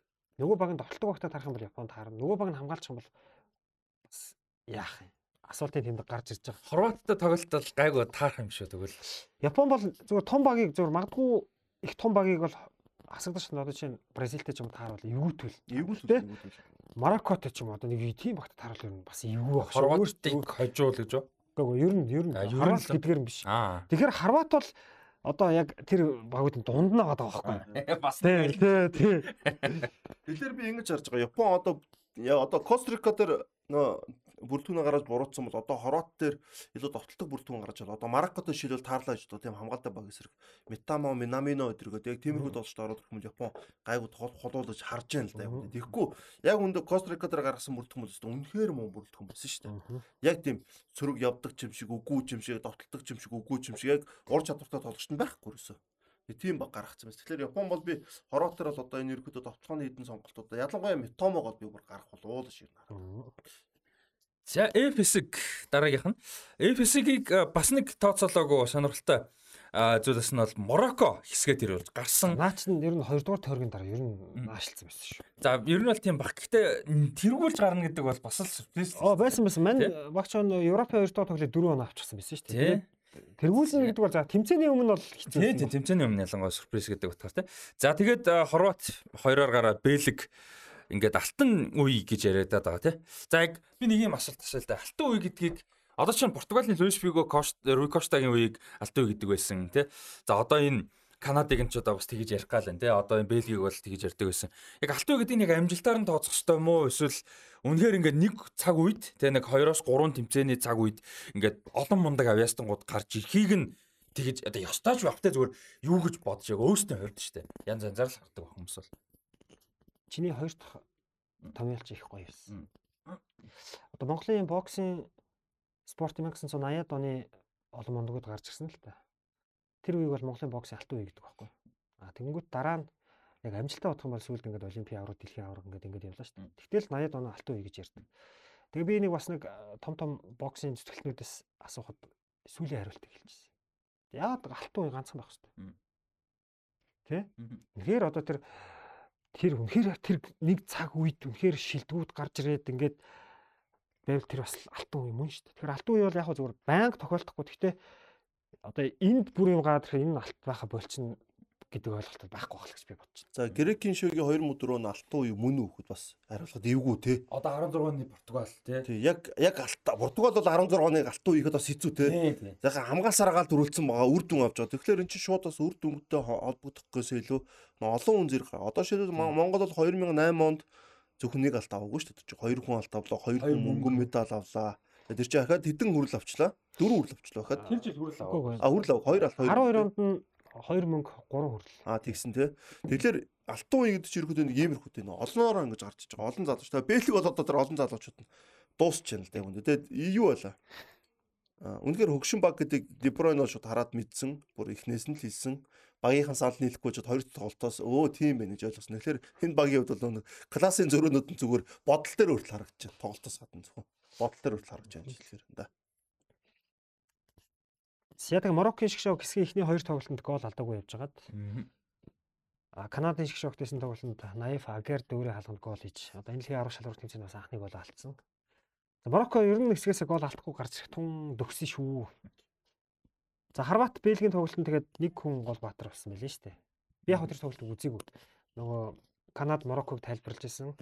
Аа тэгээ гарч ирсэн ч хүн бүхэн л амнасаа Лукаку л гэдэг үг гарч ирсэн. Нэрээ нэрээ юу болсон юм бэ? Тий Лукаку орж ирээд дөрөв заахад хүмүүс 5 гэдэг агшуулсан. Надад бол би би буруу санааг бол нэг дөрөв боломж ер нь бол алдсан. Тэрнээс биш та яг зүгээр формтой байгаа зүгээр ингээд юу гэдэг багийн уур амьсгал, багийн амжилт а тоглогч өөрөө өөртөө итгэх итгэл нөхцөл байдал форм эрүүл мэнд айгүй олон нөхцөл нь би өмөрөх гээд байгаа биш те. Гэхдээ зүгээр олон нөхцөл байдал нь илүү дээр байсан бол Лукаку тэрний хоёрыг бол баг худалч нь үдэ анж агаад хийчихэр Лукаку энэ дэр фэлдсэн гэхээс илүү Лукаку хийж чадгаар тоглож байгаа байхгүй. Тэгээ би бол зүгээр Одоо өмөр өмөр. Тэгээ, ер нь одоо яг ийм үед нь хүнийг өмөрөх хэрэгтэй яг байхгүй. энэ би бол би ер нь Лукакуг тийм амар муу яг хүмүүс ер нь шүмслэх амар дуртай. Гэхдээ яг мэдээж асуудалтай байдаг. Гэхдээ энэ дээр бол би Лукакугийн буруу гэж бодохгүй байхгүй. Нөхцөлөдлийн хувьд бол харахад яг тэр нэг өөртөө итгэх итэл багийн уур амьсгал ингээд бүх юм надад нөлөөсөн санагц. Яг зүгээр байж хат бол тэр дөрвөн боломжийн хоёрыг бол нүдэн айнаад Лукаку шүү дээ тий. Карьертаа 300 гол одоо баг хийцэн яаж ч утсан тийч чадахгүй та биш байхгүй. Тэр бол би тэгж харсан. Яг хуу мэдээж итгэл мэтэл унтсан байгаа. Тэгэл нөгөө нэг мундаг тоглогч бол том тоглолтын дээр сэтгэл зүй мундаг байх хэрэгтэй гэсэн мэдээж нөгөөдөл байгаа л да. Тэр бол үнэн. Зөв. Аа тийм. Би бол л харагдсан надад бол. Тэгвэл баг хичнээн тийм нөхцөл байдал орсон чинь доолч өөрөө форум утагдсан тийм боломж юу нь хийх ёстой шүү. Ягаад гэх юм бол энэ чинь баг угаасаа л ямар тал ямар цаг үеийг туулдсан шүү дээ. Тэгэхээр тийм үед нь одоо Лукаку өөрөө гол оруулцвал энэ багаараа өөр байх юм уу бид нар бас мэдэхгүй шүү дээ. Гарч ирээд ингээд бэлээ те. Яг хоо бас нэг юу л та. Энд бол хийх ёстой байхгүй юу энэ бол. Тийм ажил нь. Тий ажланд ажиллаа хийх ёстой. Тэгээд ажлаа дутуу үзсэн болохоор бас би бол шууд одоо яаж чадахгүй байна л да. Одоо багт нь буруу бол өөрөө фит биш байсан шууд буруу өгч чадахгүй. Гэтэ Бэлэг мултарж байгаа нь одоо тий яг шударгад үрдэн бол яг одоо Марокко үнэхээр сайн байсан шүү дээ одоо. Одоо тэгээд Бэлэг ч юм уу эхний тоглолтын дээр эхний хоёр тоглолтноос мултарсан баг шүү дээ. Энэ бол а на Канад ч 11 алдаад Тэгээд Канад дээр маш муу тоглож ирсэн Бэлэг чи өөртөө нэг гол хийгээд тэгээд очсон. Канад 23 удаа хаалгаар 21 21 удаа хаалгаар зогсон тийм одоо. Гурав нь хаалга болсон. Тий. Тэгэхээр энэ бол одоо фэр одоо яг шудрал үрдэн болсон л та Марокко гараад тэгээд Хорват яг хаа тэгээд Модрич тэр төвийн ахсууд нь үнэхээр сайн тоглоо явчлаа. Тэгээд Дебронч яг үүнээ тусчаар хүн байхгүй л шүү. Ядж тэр сайн тоглосон Онана сүүлийн тоглолтын дээр юу аваад хоёр шартаа тоглож чадаагүй тэгээд юу мултарснаа байлиг бол. Дебройн тэгэхэд арга байхгүй л. Дебройны класс бол класс форм бол бусдаас яхахгүй илүү баг. Тэгээд хүмүүс ингэж ярьдаг те багийн лидер тоглож шиг бусдаагаа загналаа загналаа. Яхахгүй тэр хүн чинь нэг стандарт байгаа байхгүй. Тэнд нь хүрэхгүй бол хүн бухимддаг байхгүй. Бас тэрийг бол ойлгох хэрэгтэй. Дебройн гэсэн мэлээ шүү дээ Азарыг бол үнэхээр залхуу гэж хэлсэн мэл. Талбай дээр. Нилээл үг хаялцаж бас яасан л юм шиг байлаа дээ. Нөгөө залхуу байна, гүөх байна. Тэгэл таргалж маргасан байна гэх. Тэр нөгөө нэг олон шүүмчлээ дазар чимээгүй байж байгаа. Сүүлд нь тэр чинь бүр хитрүүлж яваад баг юу яана гэсэн юм шүү. Тоглоомч баг урдчин байгаа хоолойч аваа идчих шуухааны юм хийж. Тэгээ нөгөөдг нь уурж босч ирээ. Тэгээ бас ер нь уур амьсгал бол нилээн таарах юмстай. Тэгэхээр нөгөө уур амьсгал гэж би ягаад тэрийг дурдаад нэг. Тэг ганц Лукаку та биш те. Лукаку яг мэдээж тэр ажил нь тэрний бол тэрний ойлгомжтой. Гэхдээ нөгөө нэг уур амьсгал гэдэг чинь яг тоглолтын дээр гарч байгаа байхгүй те. Багийн спорт шүү дээ мэдээж. Одоо энэ дээр Дебройн Эден Азарыг одоо тоглогч нэгнийгээ шүмжнэ гэдэг чинь ер нь бол айгүй асуудал хурцсан шинж байхгүй. Тэгмэл Тэгмэл олон нийтэд мэдээлэл. тий эн чинь тэгээд Дебройн шууд дасгалжуулагчаа шууд илж байгаа гэсэн үг байхгүй. Байхгүй болгочлаа шүү. Тий дасгалжуулагчаа байхгүй болж. Ягаад бол зөв байхгүй тэр дасгалжуулагч яагаад тэр Азарыг гаргаад байгаа. Яагаад ахлагчны устаа гаргаад байгаа. Яагаад тэр Алдар хоёрд Вертонг хоёрыг ард нь гаргаад байгаа. Яагаад тэр Телеманс Вицлерийг тоглоулаад байгаа. Дасаа энэ зөв шүү дээ Дебройн. Дэл Краско зүүн дээр техник тоглолт голтон дээр. Тэгэхээр Дебройнуд бол стандарт нь дасгалжуулагч нүрт хүрэхгүй байхгүй. Наа чин Горделого Суперэмптэнд ажилладаг. Тэгээ ядаж тийм супер хүмүүсгүй ч гэсэн Дебройн ч айгүй ухаалаг тоглогч дээ энэ бол. Ядаж тэр Онанагаа эхнээсээ гаргаад, Тросараа эхнээсээ гаргаад тоглоод ихтгэл үзүүлсэн бол Тросаа тэр чин гараанд гарч юм шал өө энэ шиг тоглохгүй шүү дээ. Тэгэхээр тоглогчоос гадна дасгалжуулагч ерөөсөө тэр чигээр нь шүмжилж байгаа л гэсэн үг л дээ. За стан юуны Бельгийн алтан үеиг Роберто Мартинес л өврөөд дуусгачлаа гэдэг яриад уламжлж чангархан дээ. За Одоо бол Дебройн ингэх ёстой шүү дээ. аа тэгээ ажиллаа бол өгцөн өрөө тэгээд одоо нөгөө шүгэл дуграад дуусаад дуграад ажил нь туссан гэдэг. Одоо Дебройн одоо үнэт талсан боо гэдэг. одоо одоо Дебройн ингэх хэрэгтэй шүү дээ. Шгшээс зодог тайлах хэрэгтэй. Тий, ер нь бол Зодог тайлах хэрэгтэй. Яг тэгэхээр энэ Бэлгийн хөлбөмбөг холбоо олон юм сануулга өгөх хэрэгтэй. Яг гоо дээр нэг хэсэг амарж байгаад ирж болно. Гэтэ сайн дасгалжуулагч ирсэн тохиолдолд би буцаж ирнэ ч гэдэг юм уу те бас нэг өөрийн юмас тавих хэрэгтэй. одоо ингээ яг өдөртлөгийн том асуудал биш ч гэсэн одоо дасалжуулагчийн шийдвэр те дасалжуулагчийн сонголт нь асуудалтай байлаа шүү дээ. Тэнгүүд яг энэс том асуудалтай байсан ч гэсэн Месси нэгдгсэн шүү дээ. Бүр ингээд маш олон асуудалтай байгаа сүултээ бүр ингээд болио гэж зодог тавьсан шүү дээ. Бүр аргагүй яг энэс бол хамаагүй уртсан бол нөхцөлөөсөн. А гэхдээ зүгээр яг энийг хөнгөө хувилбар гэхэд Bruyne-с тэгж болж байгаа байхгүй те. Үнэхээр Гүүгээр одоо De Bruyne болтон ч өмнөөс- болно шүү дээ. Болтон ч болно шүү дээ. Bruyne өмнөөс Болтон ч болно шүү дээ. Одоо дараагийн тэмцээнд ороо дахиад ийм баг тоглоод тэр хүн чинь тэрний оронд жоохон гэр бүлдээ анхаарлаа хандуулъя. Сайхан клубын төвшөнд л зүгээр өөрийгөө ингээд явж яхан баг. Тэрийг бодоход л клубын төвшин ч гэсэн Гвардиолагийн доор тоглож байгаа. Гвардиоласаа гэрээ сонгочлоо яалаа. Тэнгүүт чинь Гвардиолагийн доор илүү удаан тоглох те боломж хүртэл гарна шүү дээ. Шгшээдээ тоглох байгаа юм бол. энэ тоглолчдод амралт хэрэгтэй л гэхдээ яг нь яг ганц хоёрхан л залуу гарч чинь бэлэг бол одоо өмнөхөр одоо юу нь дуусч чадсан те. За одоо тэр Лейстрийн нэг хамгаалагч байна. За Куртуа үлдэж болж байна. Онана үлдэж болж байна. За тэгээ Троссаар эдэр бас нас нь явцсан. Бас явцсан. 25 6 таа шүү дээ. Үгүй ээ бүр 27 8 руу хүрч байгаа шүү. За Тилеманс үлж болж байна. Телеманс үлдэж болж байна. За Лукако яг хаа байж болж байна одоо. Тэгээ Бачуу бол болох хэрэгтэй. Тэгээ Бачуу өдөр одоо бүр дасаж үлдэж байна. Лукаку бол одоо 1 евро хүртэл нэг байлгаж байна. Яг харахгүй нэг Тэгээ Краско өдрийг одоо шууд байлт. За Торган Азар байж болж байна те. Торган болоо, торган. Кастан Кастан байж болж байна те. Торган болоо. Одоо Кастаныг хараа. Кастанаас дасалж яаж тоглуулсан гэж гурван төвийн хамгаалагчийн зүүн хамгаалтанд тоглуулж байгаа. Гэтэл тэр тоглож товтлооны ямар мундаг чадвартай тоглож илээ те. Премьер лигдээ тэр чин баруун зүгрийн дамжуулалтаар за Александр Арнольд төрөхгүй ч гэсэн бус хамгаалцтаас энэ бол дээгүр цогтөг юм шүү дээ. Тэгэхэд тэр хүнийг төвийн гурван хамгаалагчийн нэг дээр тоглуулж шүү дээ. Довтлуулахгүй ерөөсө. Тэгэхээр энэ дасгалжуулагч угаасаа үнэхээр фейлцсэн ойлгомжтой байна. Эрен дээр байгааг Тросараас эхлүүлээ л те. За дараагийн хэсэг G. За G хэсэг э, Бразил бол гарах нь ерөнхийдөө тодорхой болцсон байсан. Аа Камерун энэ хоёр тоглож байгаад яг энэ тоглолтын дундуур явж байгаа явц дунд бол бас Камерун гарах боломжч байсан хэрвээ айдсан бол те. Аа тэгээд нөгөө талд бол нөгөө Швейцар Сербийн их ярьсан тоглолт болсон. За тэгээд тэр ярьснараа ч ер нь нэлээд хатуу ширүүн юм бас болох шиг болсон те. За урчин Бацаа битэр Серб Швейцарын тоглолтыг тайлбарлаад. За нөгөө Нөгөө бүр хөтлөө да. Бүгдийг нэгсэн шиг те. За нөгөө талд Камерон тэгээд Бразилийн шавыг хоцсон байлээ. За би хэдүүлээ нэг ярьж Даниэл Алвас багийн ахлагчийн туустаа гарч ирнэ тэгсэн байлээ тий. Тэгсэн тэгсэн. За тэр бол ойлгомжтой. Бразил бол ер нь баг одоо хамгийн гол тоглогчтой суулгаад одоо дэлхийн арга шалралт тэмцээнд маш цөөхөн тоглосон тоглогчтой бол гаргасан. За тэгтээ би нэг юм гайхаад. За Швейцар Серб бол яг вэ тэгээ тоглосон тоглосон. Швейцар тий.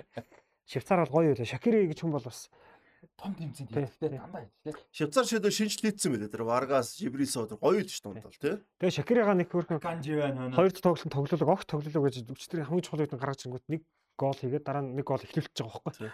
Мундаг байлаа. За Серб бол үнэхээр мундаг товтлогчтой байна. Митрович, Улахович яаж Улахович өчтөр гарааны бүрэлдэхүүн гаргав. Гэтэ Серб хамгаалт бол жоох уучраа олоогүй л.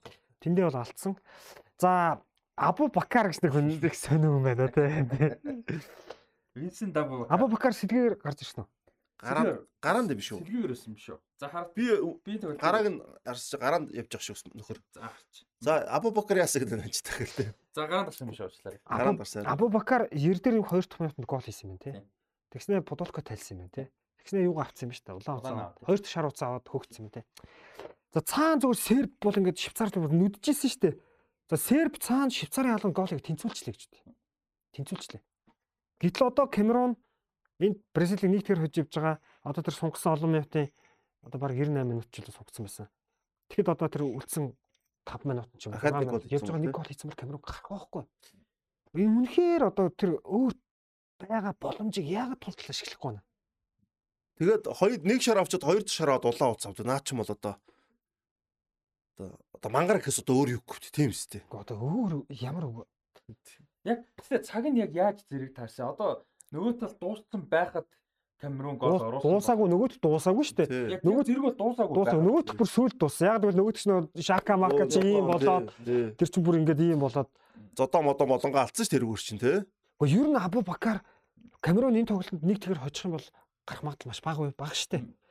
Абу Бакар Камерун доотлол нь хоёр тэг тэр цаа тоглолт хай мэрэгжлийн тамирчин мэрэгжлийн хандлага бол нөгөө тоглолтын хаяад энд бид нар хийх юм аа л яах штэ. Тэ? Өөртөө шалтгаалж бүх юм аа л яах штэ. Хийх байтал мань үн чинь өөртөө шалтгаалах юм хийхгүй гэж ингээд Абу Бакар хууцтай байж үнэхээр бөмбөний араас явж байгаад ингээд хууц авсан бол бас яа их вэ? Тэд өмслөө талээд өө. Тэгсэн чинь Абу Бакар чинь одоо багийн хамгийн туршлагатай тоглогч нэг байгаа шүү дээ. Багийн атмаа. Багийн Атман гэдэг байгаа шүү. Атман нэм багч одоо тэгээд. Өчтөр би Солонгосоор Хуан Хичаныг сарж илаа. Дараагийн тоглолт нь хууц авал бас яах вэ тий? Заавал тэрийг нөө тайлах одоо ямар шаардлага байгаа юм бэ? Гэхдээ тэрний сэтгэл хөдлөл давах юм биш үү? За Абубакарыг бол бас тодорхой хэмжээнд ойлгож болно те. Тинчэнд боломж нь байгаад байсан те. Солонгосыг бол баталгаатай баг болгочихж байгаа шүү дээ.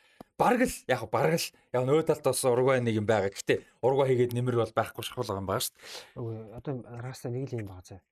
Мэргэжлийн тоглогч заа. Мэргэжлийн гэж байгаа шүү. Яаж баярлж исэн, яаж гомдож исэн, сэтгэл яаж хөдөлж исэн нэг хим хэмжээгч байх хэрэгтэй байхгүй. Тэр бол мэргэжлийн чанар шүү. Одоо Валверде ингэж байгаа ш нэг хэмжээ нэтрээд нэг Солонгосуудтай Азиутай тоглож байгаа ингэсэн шүү дээ. Санаж байна уу? Ингэсэн шүү дээ. Тэр бол хэмжээгээ тэр Наа ч нь бас шал өөр. Аа үгүй үгүй. За би сонсчээ. Эхлээ сонсчээ. За тэнгууд эн чинь бүр ингээд хязгаарлан тулгацж байгаа байхгүй юу? Аа энэ хувц тайлах ч юм болохоор ихлээр эн чинь зөвхөн Хаванхи ч Абубакар тохиолдог байхгүй? Энэ дэлхийн авар дээр бид нар хэсгийн сүүлийн тоглолтоо бүгдэнд нь л ярьж байна. Маш олон тоглогч нарт ийм тохиолдож байгаа. Гэтэл энэ дээр хин хоёр тайсан мөл тэр хоёр тайсаар тэр хоёрыг зөвтгөх ямар ч үндэслэл байхгүй. Япон ч гэсэн ингэсэн шүү дээ. Япон ч гэсэн үдж байгаа тэр хоёр нэг болголоо хувцаа тайлах уу? Өөр зөндөө тоглож байгаа чинь Пош тэглээ. Бараг хэсгийн бүх тоглолт. Тэгэхээр энэ бол ерөөсө зөвхт хүнст ерөөсө байхгүй байхгүй. Энэ нэг сэтгэл хөдлөө ингэсэн гэдэг. Би сэтгэл хөдлөө ингээд очиод нэг юм очиод ингээд цохоод авъя л та тийм үстэй. Болохгүй үстэй. Хүн талж байгаа. Тэнтэй адилхан чинь бага хорлож байгаа байхгүй юу? Өөрийгөө хорлож байгаа байхгүй юу? Хванки чан эхний хоёр тоглолтноор гимтэлтэй байсан бүр. Гимтэлтэй байсан нь бол гарч ирэнгүүтээ ингээд аа, багтаа тус өргөөд дараагийн тоглолтноор яхаа тууц авал яах вэ? Өөртөө болон багтаа ус урж. Тэгэхээр энийг мэрэгжлийн тоглолч бол бодох хэрэгтэй Бодох байхгүй. хэрэгтэй байхгүй. Ерөөсөө тэр энэ өмчлийг тайлж тайлж яах гэдэг юм тэр? За дэлхийн аврал шалралт тэмцээний шгшээ тоглолтын тэр алтан гол хийцсэн бол одоо хамаа. Тий. Алтан гол хийгээд тоглолт болсон шүү дээ. Тэгвэл стонерээс та хамаа алга дараа тий. Тэгтэл Хэсгээ чи яадаг үлээ Тий, өмсгөл. тий, тэр чинь доо зүгдгүүс үү. 2004 оноос сууц өгдөлсөн. За би бол таартай санал бол нийлэхгүй юм. Гэхдээ окей. Аа. Нийлхүйж болно. Э, сэтгэл хөдлөл бол байх юм гэж бодож байна. Эмошн юм бол зарим нэг юм дээр л. За гэхдээ ер нь бол амар гой тоглолт болсон. Гэхдээ яг нь юу яаж байгаа? За Хвангичан хийгээд төвсөлт хийгээд а бас хүлээх шаардлага гарч байгаа тий. Ургойгийн тоглолч бас дуусаагүй байгаа шүү дээ тэнцээ. Нөгөө ургой ч бас тэнцээ довтлоод байдаг 8 минут сонсчаад байдаг. Тэгээ тэнцээ нөгөө Хвангичан хийцнийг сонсоод тэнцээ Суарес сэлгийн суудсан уйлаад байдаг. Роналдо тэнцээ хоёр голын боломж алдсан яг. Хэсгээс гархан тодорхой ч гэсэн солонгос тажигдаад өөрөө нэг хоёр голын боломж Роналдо нэг ч гэсэн гол явуулахад бодлоо. бас мэдээж тийм тэгээд тэгчээ суугаад байдаг. Роналдог харуулаа, нөгөөдөө Суаресыг харуулаа бөө юм болоод. Тэгэд энэ нөгөө веб дээр бөөнөр үзсэн. Тэгэд бас нэг айгүй гоё юм байсан л да нөгөө солонгос цаа нэгдүгээр хийсэн үнэхээр гоёсэн. Тэ сонхимын дээр тоглоо айгүй гоё болоод маш гоё дамжуулалт гаргаж өгөөд за ингээ бөө юм болж байгаа. Тэнгүүт тэгээд эцсэн дээр нөгөө солонгосыг тавьсан. Солонгосын тоглогч бөөнөрөө тойроо зогссон нөгөө тоглолт үзээд ургай юу ганыг үзээд дасаж бодож нөгөө фэнүүд нүртэл эн чинь хажууд ургай үзээгөө тэн чинь ургай өстө нүдээд идэг хаалта зөглөлт моглолт болоод те бас э, ойрын үед санаанд орог бас юм гоё зэрэг тоглолт. Сон амар гоё үг хэлсэн зэ. Үйлцсэн. Миний амьдралын хамгийн урт 6 минут байлаа гэж хаад байгаа. Нөгөө нөгөө нөгөө бол та. хамгийн улсраг юм уу тэгээд Солонгос юу байл та 18 онд ингээ мултарч энэд чинь бас нэг юм баг ахаад ингээ мултрууд энд бол сэтгэлзэн үүдүүд амар гимтэн шүү амар гимтэн шүү энэ бол тий Нөгөө талд Уругвай э, нэг дахиад хийчихэд юу мултрахаар байсан шүү дээ. Солонгос мултрахаар байсан. Яа тэгсэн бол бас амар харамсалтай тий. За тэгээд э, хэдүүлээ 7 хоног өмнө ярьжсэн шүү дээ. Гааны хөлбөмбөгчтэй гоё явна явна. Тэгэхэд би яг хэлжсэн нэг наа дасгалжуулагч чинь сайн боловч Африкчууд ийг ота одоо ажил өгсөн шүү дээ. Өчтөр хожигдоод. Тэгээд Андре Аю тургал Андре Аю тургалын цохилт алдсан. Өөрөө тэгс тий. Өөрөө тороо нэр тэр мөрцөн шүү дээ ярьж байгаа. Тийм торгуулийн зөвлөлт өөрөө алдсан. Тэгээд э, яг гэхдээ тэрнээс цаашаагаа ч нэг ган сүртэй довтолж чадаагүй дээ. Ер нь ураг нүцээр байгаа дурсан. Тийм. Тэр орцсон бол бас шал өөр. Тийм сэтгэл зүйн хувьд өөр, тактикийн хувьд өөр те. Урагвай шиг шогийн цолжуулагч тэгээ бас юу яасан л өчтөр бол их зүг гарааны бүрэлдэхүүн гаргасан. Жоржион де Араскаята, Залуучдаа гаргаад ирсэн шүү дээ шууд. Тэгээ Родриго Бентанкур гимтдэг бол жоохон Юу н анханасаа тэгж гарах хэрэгтэй байсан Тийм шүү дээ. Тэгээд анханасаа айгүй буруу эхний үед тоглолтноор буруу гараад урууга тэр баг ганцхан авсан бохгүй юу бол. Урагвай зөв өөртөө солонгосоо очсон бол одоо гараад ирж байгаа шүү дээ. Энэ энэ гараагаа гаргаж тоглох хэрэгтэй байсан л та. За урагвай хувьд ингэж байгаа юм. Гурван дэлхийн аврах шалралт тэмцээнд дараалж хэсгээс шалгарсан амжилт ингэ байхгүй болж байгаа. Яа ингээд урагвай ямар ч байсан мултарлаа. Кавани, Суарес, Годин, Касерес гэх мэт тоглогчдын хувьд бол сүүлчийн дэлхийн аврагын баг ойлгомжтой байсан тий. Тэгээ хаалгач бас байгаа шүү дээ. Мөслэр мөслэр бас энэ хэд бол ингээд нилээн олон тоглогчтой сүүлийнх нь болох баха. За тэгтээ бас тэгээд мундаг генерашн явлаа шүү дээ. Яг хуу өмнөх хэдийн нэг ганц хоёр л тоглогчийг нэмчих юм бол те одоо Бурлааны үеийн хэдийг нэмээд энэ хэд бол 10 14 онд бол гоё явлаа шүү дээ. За ингээд э, хэсгийн шат бол дууссан. За ингээд дэлхийн шалралт тэмцээний шүвгийн 16 бичлэгийн хувьд бол өнөөдөр бид нэр бичлэгийг одоо хийж байгаа өдөр эхлэж чинь за эхний А хоёр тоглолт за хоёр тоглолтын ялагчид хоорондоо тоглох тоглолтууд бол Нидерланд, Америкийн нэгдсэн улсын Шок, Аргентин болон Австрали байгаа. За энэ хоёр тоглолтын бол хоцсон багууд нь хоорондоо таарна. За одоо нөгөө талд нь нөгөө тал жоох одоо үргэлжлүүлээд Япон, Хорват, Бразил, Өмнөд Солонгос гэсэн сонирхолтой очроонд байгаа. За энэ ингээд саяны дурдсан дөрвөн тоглолтын одоо багууд бол нэг талд байгаа. Тэ? За нөгөө талд нь Англи, Сенегал 2 За Англи Сенегалийн хоцсонтой Франц, Польш хоёрын хоцсон. За нөгөө дахиад үргэлжлүүлээд Марокко, Испани 2, Португал, Швейцар хоёрын хоцсон. За ингээд бид нар ингээд нэг талд. За нэг иймэрхүү сонирхолтой шүгэ 16 гарч ирлээ. За эхнээс нь яриа те. Зүүн тал дээр Нидерланд, Америк, Аргентин, Австрали өнөөдрийн тоглолтуудыг аль аль багууд нь хожино гэж таамаглаж байна. Аа тэгээд цаашаага аль нь одоо хоорондоо таар хоёр нь аль нь шүгэн дөрвөлөг гарах магадaltaй гэж бодож байна. За Нидерланд Америк хоёрын тоглолтын дээр яхаа Америк бол сайн байгаа. Нидерланд бол нийт тоглол нь Virgil van Dijk байна. Van Dijk орж ирсэн Нидерландын хамгаалалт маш юу болчлоо. Цэгцтэй байна юм бол одоо тэр Сенегалтай Эквадортай байсан тоглолтын дээр багийг өдөртөж авч явдаг. Энэ баг 2000 а, өнгөрсөн жилийн Европын орууд дээр хамгаалалт нь сайн байсан шүү дээ. Одоо De Vrij, De Ligt, Dak гэдэг чи байсан шүү дээ адилхан тий. Тэгээд De Ligt бол арайд нас нь залууцсан л да баг авч явахд бол хэцүү байсан. А одоо энэ дээр бол энэ багийн хамгаалалт сайн байгаа шалтгаанууд шууд Virgilтэй холбоотой. Виржил гарч ирсэн бол шууд суулгацсан шүү дээ. Эхний тоглолтод тоглоод. Дасгалжуулагч луу ангад бол хин хинбэ, хин сайн байна, хин өдөрж байна гэдгийг маш сайн одоо ялгаж харж чадж байна. Тэгээ Вандаке заавал дэлигт байхаас илүү илүү хурдтай тимбэр нь бол зүгээр. Тимбэр тэгээд энэ Нат Нака хоёр нь илүү одоо баг болж байна. Тэгэхээр яг нь Нидерландын том давуу тал яг энэ л байна л да хамгаалтан. Тэгээс бол яг би бол энэ тоглолтын агуулга илүү сөрөг довтлогоо юугаар бол би баг Америк Нидерландаас илүү гэж харна. Гэхдээ Вангал бол энэ бол уучраа олцсон байна гэж би харах гад эндээс бол. За энэ тоглолт э, аль аль баг нь бол хэсэгтээ ердөө ганцхан гол алдсан. Гурван тоглолтод 270 минутанд зааж баг 300 минут тоглосон доо. Аль аль баг бол ганцхан гол алдсан гэдэг бол өөрөө маш том үзүүлэлт байгаа. За Нидерланд, Америкийн нэгдсэн улс зүгээр ялагчийн хувьд бол үндсэн цагт бол тодорхойгүй. Нэмэлт цагт гол орж магадгүй. Эсвэл тургуулийн цогцлоор ялагч тодорч магадгүй. За тургуул зөвхөл Нидерландад одоо туршлагатай тоглож байгаа гэдэг талаараа том лигттэй Хам- Хамаагүй илүү. илүү Хамаагүй илүү. Нидерланд ч өмнө цогч ийсэн тэгээд турш энд бол яг туршлага шийд юм л да. Америк хэдий одоо мундаг ирч хүчтэй ч гэсэн сэтгэл зүй ямар ах вэ? Тийм том тулаан хийвэл ямар ах вэ? За тургуулийн цогцлон дээр очих юм бол Нидерланд илүү тоглоно. А Нидерланд тургуулийн цохилтын түүх нийт 3 удаа зохиж 2 ялагдаж нийлэлжсэн юм лээ. Дэлхийн аваргын түүхэнд. Тэр ялдаг нь 2014 онд. За 2 ялагдсан нэг нь 14 нөтг 98 онд Мгм. Бразилийн шивдтаа. Бразил, Аргентин хоёрт ялагдаад Коста-Рикаг Тий, ялцсан. Кострикаг ялж. Тэгээ Нидерландын хувьд бол 33% та байгаа юм байна. Ерөнхийдөө ингээд нарийн статистик ярих юм бол. Гэтэ Гэтэ том багуудтай хожигдоод жижигүүдээ хожоод байна тий. хожоод байна тий. Тий. Америк бол тэр яг хаа 2002 оны Америкийн багт арай хүрэхгүй да. Тэр багч нь болохоор юу штэ. А залуу багаас гадна туршлагатай тоглогч нь айгу сайн байсан уу юу? Лэндон Доно мундаг байсан. Хойлоод тий. Яг аль аль нь байсан тий. Клауд Ирена, Макбрайт. Одоо энэ Америк нэгдсэн улс зүгээр 4 жилийн дараа тэр Америкт дөхөх баг. Яг үнэ, яг үнэ. Дөрвөн жилийн дараа л одоо тэр Америктэй тоглох. Яг бол тухайн Макбрайт мундаг тоглогч байсан. Доноон супер байсан. Доно супер байсан. Рейна мундаг. байсан. Рейна мундаг байсан. Мундаг хаалгач та. Фрид гэж мундаг хаалгач та. Тий. Ред Фрид. Одоо энэ энэ төрнөр арай хэнийг бол барахгүй л та. барахгүй барахгүй одоо. За өмнө нь тим хавард ч гэсэн бас сайн алдчихсан орж байгаа шүү дээ. Тий. Юу н Америк хаалга сайтай шүү дээ. Тий. Энэ өрөөс чи гад дахиад энэ нөхөр байгаа. Кейси Келлер. Кейси Келлер гэдэг дахиад нэг сайн алгаж. Кейси Келлер 90 оны дэлхийн аврах шалралт тэмцээн тоглоод Тий. гэсэн бар 2006 6 он тоглолт яалаа тэгсэн шүү дээ. Тийм баг нэ нэ. За Аргентин Австралиг нанжид. Аргентин Австрал а, энэ бол тийм амар тоглолт бол болохгүй. Австрал бол өөр ямар нэгт баг үлээ. Тэгээд одоо за ерөн зөвөр би нэг юм хэлчихье. Хэсгийн шат гэдэг бол болоо дуусчихсан. Одоо дууссан. Одоо багууд нь гараад ирчихсэн. Одоо энэ баг хэсэгтээ ингээд өм цөм хожоо гарч ирсэн байна. Энэ баг арай гэж гарч ирсэн маань энэ ямар ч юм байхгүй. Яг л одоогороо л бүгдийг яг шийднэ. За магадгүй хэсэгтээ ерөн баг жоохон зовлон үзэг гарч ирсэн баг бүр хатуучсан баг. Тэгэхээр бол одоо одоо ерөөсөө тэр хэсэгт аа тэр тэдэр хожигдсон тийм байхгүй. Одоо энэ жил бол бүр харууллаа шүү дээ. Костарика яаж хожигдоод яав те. Иран яаж хожигдоод яав. Бүх юм ингээд нэг алга эргүүлэхийн дайнд ингээд хурдан солигдоод байна шүү дээ багууд чинь. Тэгэхээр бол одоо амар халбар тоглолт гэж байхгүй. Австрали бол Аргентиныг зовоон зүгээр. Аргентин За За, яг- 1-2 0 те. Нэг оруулчвал Австралийн сүлд довтолж байгаад нэг сөрөг алдаад нэг хоёр болдог ч юм уу. Тийм л болох гэж бодож байгаа харж байгаа. Би үр дүнгийн бол. а, Австрали ихнийг бол хийж мэднэ. Энд чинь одоо булан булан болов. А болон болол на Аргентин ч авах юм баг. Супер чинь тэгдэхгүй шүү дээ. Супергээ хамгаалагч.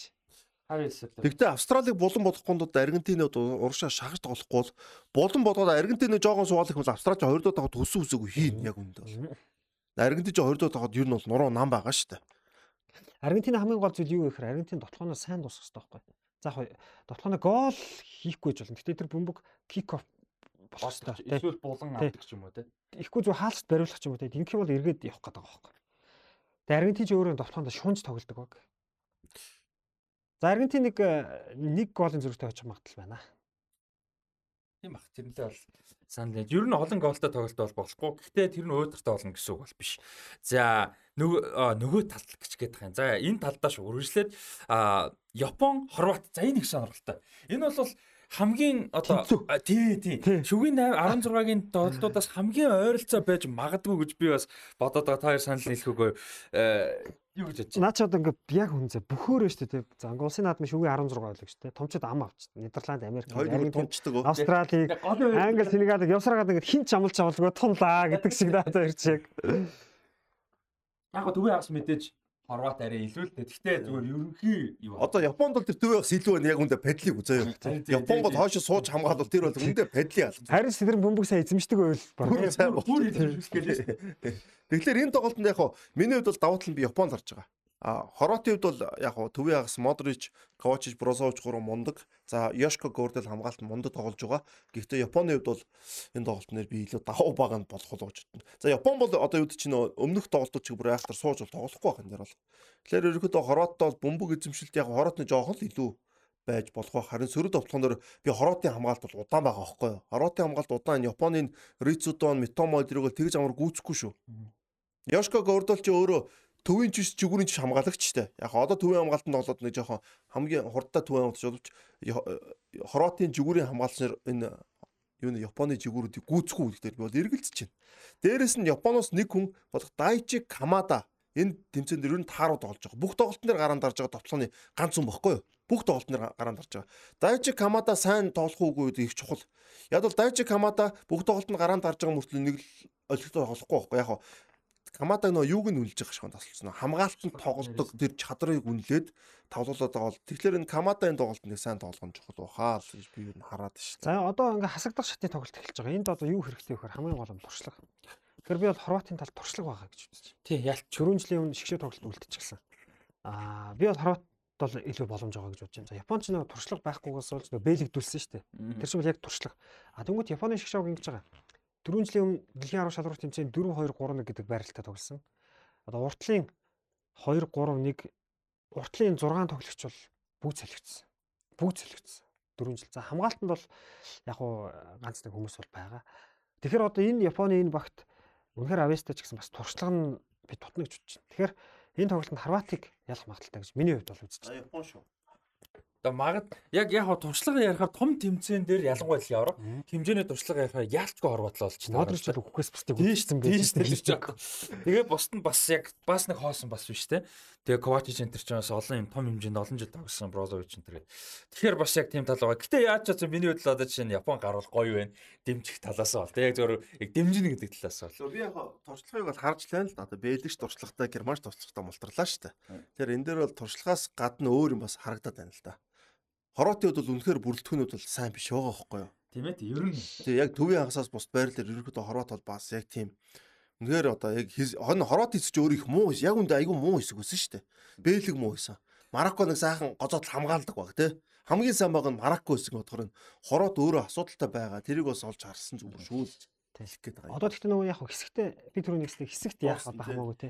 Одоо гараад ирсэн бол багууч нэг герман энтер ч одоо нэг Итали энэ чинь мултарч мултарч явж гарч ирчихээрээ нэг бүр нэг нүрэ угаацсан юм шиг тоглолтсон шүү дээ. Тэг шал өөр хүн болоод За яалч ч тэгээ нөгөө хэдэн тоглолтууд дээр ойролцоо байсан ч гэсэн нэг нь нэг арай фаворит юмнууд байгаад идэг. Энэ дээр л хэвээр яач ч магадгүй айгу гоё юм очроо. За энэ хоёрын хоцсон а Бразил өмнөд солонгосын багуудны хоцсонтой тоглолт. За энэ тоглолт Энэ надад нэг юм сонирхолтой юм байна. Юу вэ? Ямар амар Энэ одоо яг юу вэ?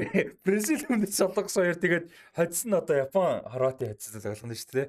Бразил өмнөд солонгос гэж өмнө тоглож тоглож байгаагүй те дэлхийн аваргаар ерөөсөө санахгүй байгаа те. Бразил Японтой л тоглодог байсан тийм. Японтой тоглож байсан, Хятадтай тоглож байсан, хойд залгастай тоглож байсан тийм дэлхийн аваргаар. Энэ бол Солонгосын хөлбөмбөгийн дүгэнд асар том юм болж байна яг үүндээ. Бразилтэй тоглоно. Ер нь Бразилтэй тоглоно гэдэг чухал. Сая Камерун Бразилийг өтсөн Африкийн багаас түүхэнд анх удаага дэлхийн аварт Бразилийг өтсөн гэж байгаа байхгүй. Ер нь дэлхийн аварт Бразилтэй тоглоно гэдэг бол багуудын хувьд бол маш чухал байдаг энэ бол. Нэр төрийн чирэг байдаг. Нэр төрийн чирэг байдаг. Тэгээд ялангуяа Наанс Африкийн 3 дахь ертөнцийн орнуудад бол энэ бол айгүй том чухал үйл явдал. Европын багууд бол нэг юу биш шүү дээ. Тэгэхээр Солонгосын хувьд бол энэ бол маш том чухал тоглолт яагаад Орос Испанийг одоо хожиж болсон те би энэ дээр Солонгосоос боломж байгаа яг барьцл үнэхээр амар байгаа. Энэ тоглолтод Неймар тоглохгүй байх магадaltaй байхгүй. Тэгэхээр тийм бөмбөгтэй гимтэл биш гимтэл гэнэ бэлтгэл ерөөсөө хийгээгүй байгаа яг одоогийн байдлаар. Тэгээ Алекс Телес хин хоёр Данило хоёр хуйла бас бэртлэн бүтэн ингээ яга болоог байна. Тэгэхээр гараад гарах магадaltaй. Би тэгэхээр энэ тоглолтын дээр Солонгос яг боломж нь бага ч гэсэндээ бас яг нөө хамгаалалтаа сөрөг товтлоноос гайгүй явах болуулж хараад байна л да. Хуан Хижан нэрчлээ. Одоо Сонхи минут бол сайн анттай болчлоо шүү дээ. Тэгэхгүй соны хажууд одоо баг бүгдийг сойж тоглолоо шүү дээ энэ бол тэгээд. Тэгээд төвөнд товтч чинь харж байгаа. Төвөнд товтч хэн байгаа л тэр чинь. Чоо олон тэгээд Хуан Хижан сон гэдэг энэ товтлох хоёр хөтө баг л урдаа гарах болоо шарж байна да. Нөгөө чоо чинь юу яагаад юу яасан Instagram дээр юу эхлэхээс өмнө дэлхийн орон эхлэхээс өмнө 20 мянган followerтай байсан чинь юу яхаад хоёр ган дээр хоёр хийгээд тэгсэн чинь 1.6 1.7 өндөр өндөр 1.7 сая followerтай болсон гэж шүү. Тэр чинь ингэсэн үү? Тэгэд ерөөсөө юу Instagram-ыг би орж харлаа зэ. Мань хүч ерөөсөө 5 6хан посттэй 7 сараас ш нэгч пост хийв юм байна. Тэгсэн мөртлөө юм бас. 1.1 сая дагагч. Данжсаа дэлхийн ор зуусаад одоо бас өсчих واخа. Аа чог өвд юм юм билээ хамгийн их бас гэрлэг санал авсан гэсэн. Тийм бас бөө. Тий хамгийн их гэрлэг санал авсан. Тэгээ өөрөө яаж царайлаг л да тий. Царайлаг өнөө чинь тэгээд нэг жоохон од. Цаа чи нөгөө нэг хинтээ өргөтөн өргөтөн гэсэн мэдээлэл явуулсан мэт. Тэр нь одоо хэнийг би танихгүй маа нэг солонгосын K-pop-ын ч юм уу нэг Тийм тийм мань бол тийм том юм бол биш юм шиг байлээ. Тэгвэл арай хитэн дагагчтай байхгүй тий 2000 дагагчтай байхгүй. Тэгээ нөхөр чи бас амар хөөрхөн юм байлээ. Тэр нэг солонгосын лигийн мэрэгэн бош болсон юм байна шүү дээ мань чинь. Тэгээд сая ер нь бол тэр К Супер лиг би одоо дээд лиг гэж ойлгосон. Зүг биш тий К лиг тий. К лигийн мэрэгэн бош болсон юм байна. Тэгээ орж ирсэн юм байна мань чи дэлхийн аварга бүрэлдэхүүнд бас. Тэгэхээр ч бас хоосонгүй. Тэгээд урьдчилсан шатматан дээр чи хөөрхөн гол хийсэн. Одоо эн чин солонгос шоугийн төлөө 13 4 тоглолтод оролцоод 6 гол малтай бас. Ер нь тийм давгүй бэлээ.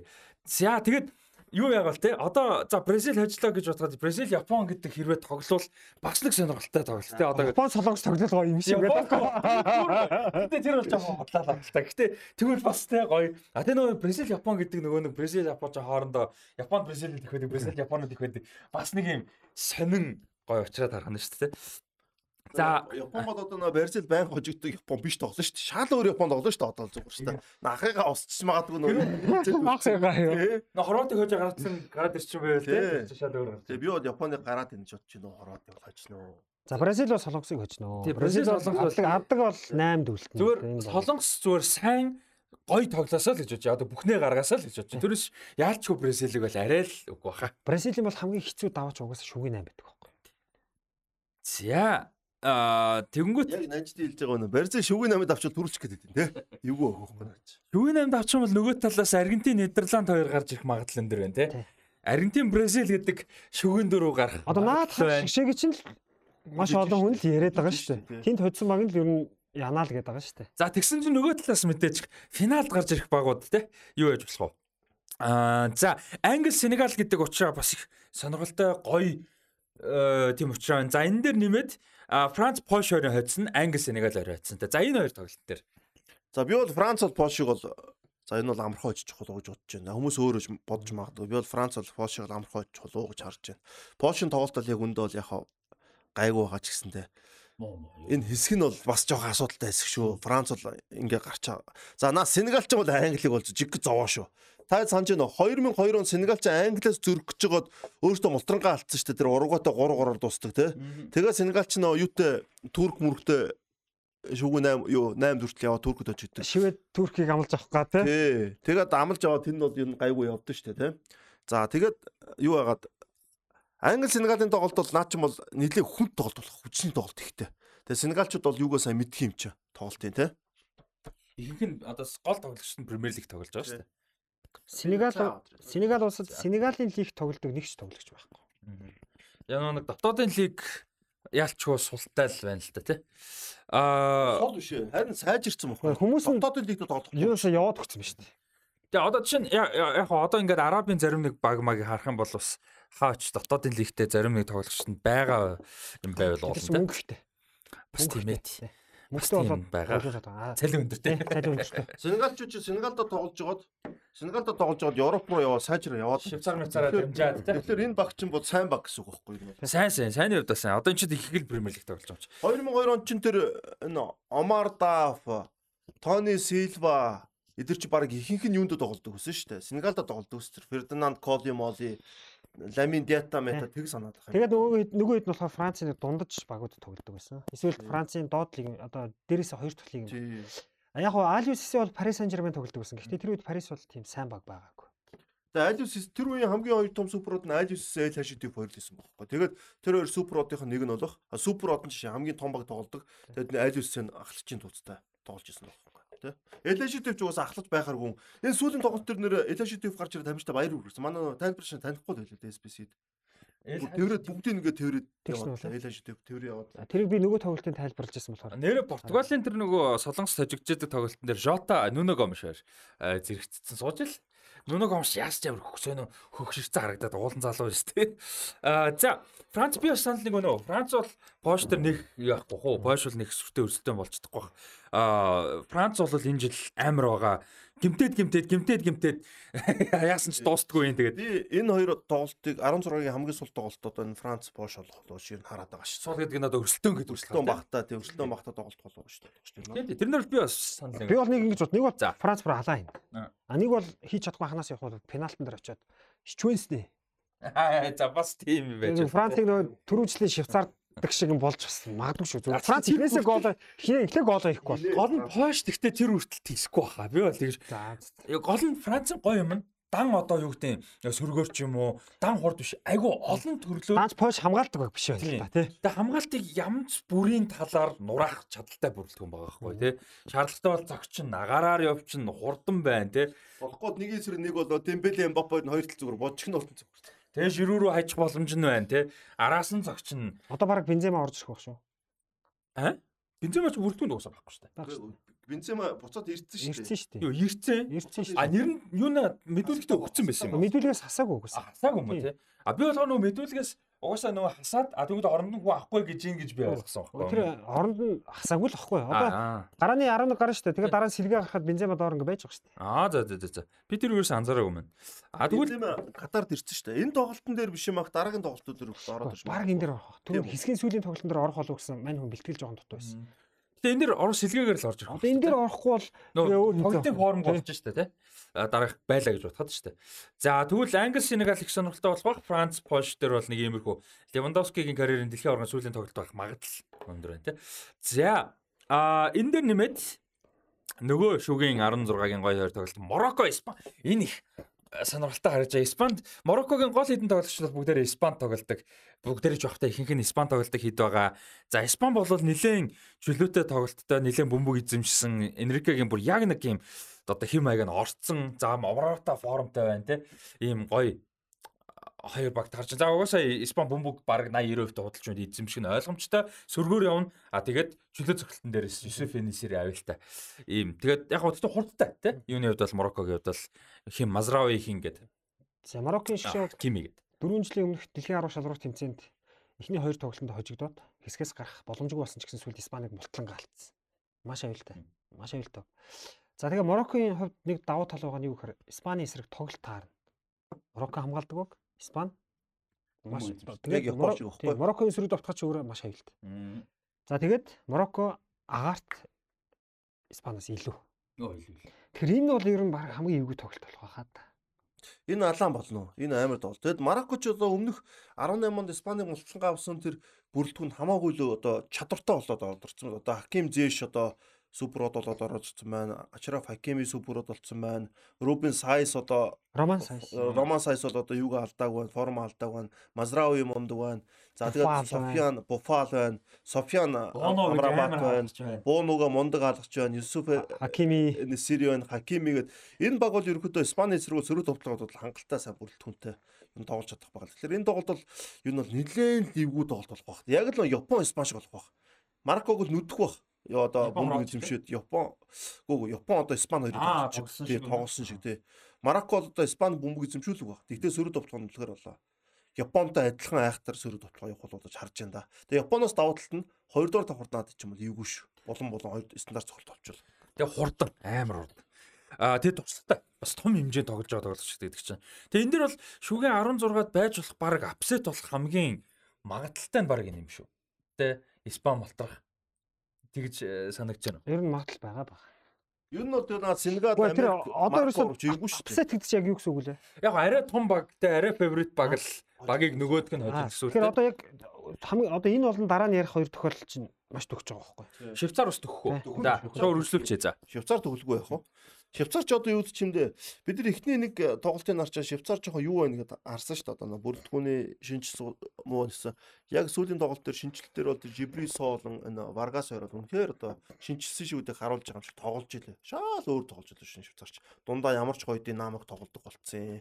Нөгөө нэг багийн лидерүүд Шака Макач ягарч ямар ч гоё араас найруулж нөгөө хоёроо тоглолт юм тэ гол нь. Тэр нэг хоёр одоо нөө орж иж байгаа хоёр тоглож байгаа шүү дээ. Тэр хоёроо яг төв ягсаар тоглолцсон. Тэр хоёр нь зүгээрээс хамаг хараажлын гэж тоглохоо хамгаалтан дээр бол.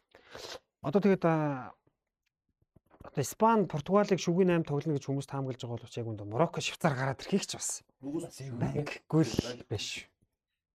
За нэг ийм сонирхолтой учраанууд бол таарад байна. Тэгээд аа, манай үзэж байгаа сонсож байгаа хэд маань бас сэтгэлдээ хуваалцаарай те таамгуудаа хуваалцаарай. За энэ подкаст э, яг өнөөдрийн дугаар ороход магадгүй Нидерланд Америкийн тоглолт өнгөж эхэлсэн ч юм уу тиймэрхүү байж магадгүй бас яг нэг орж амжихгүй.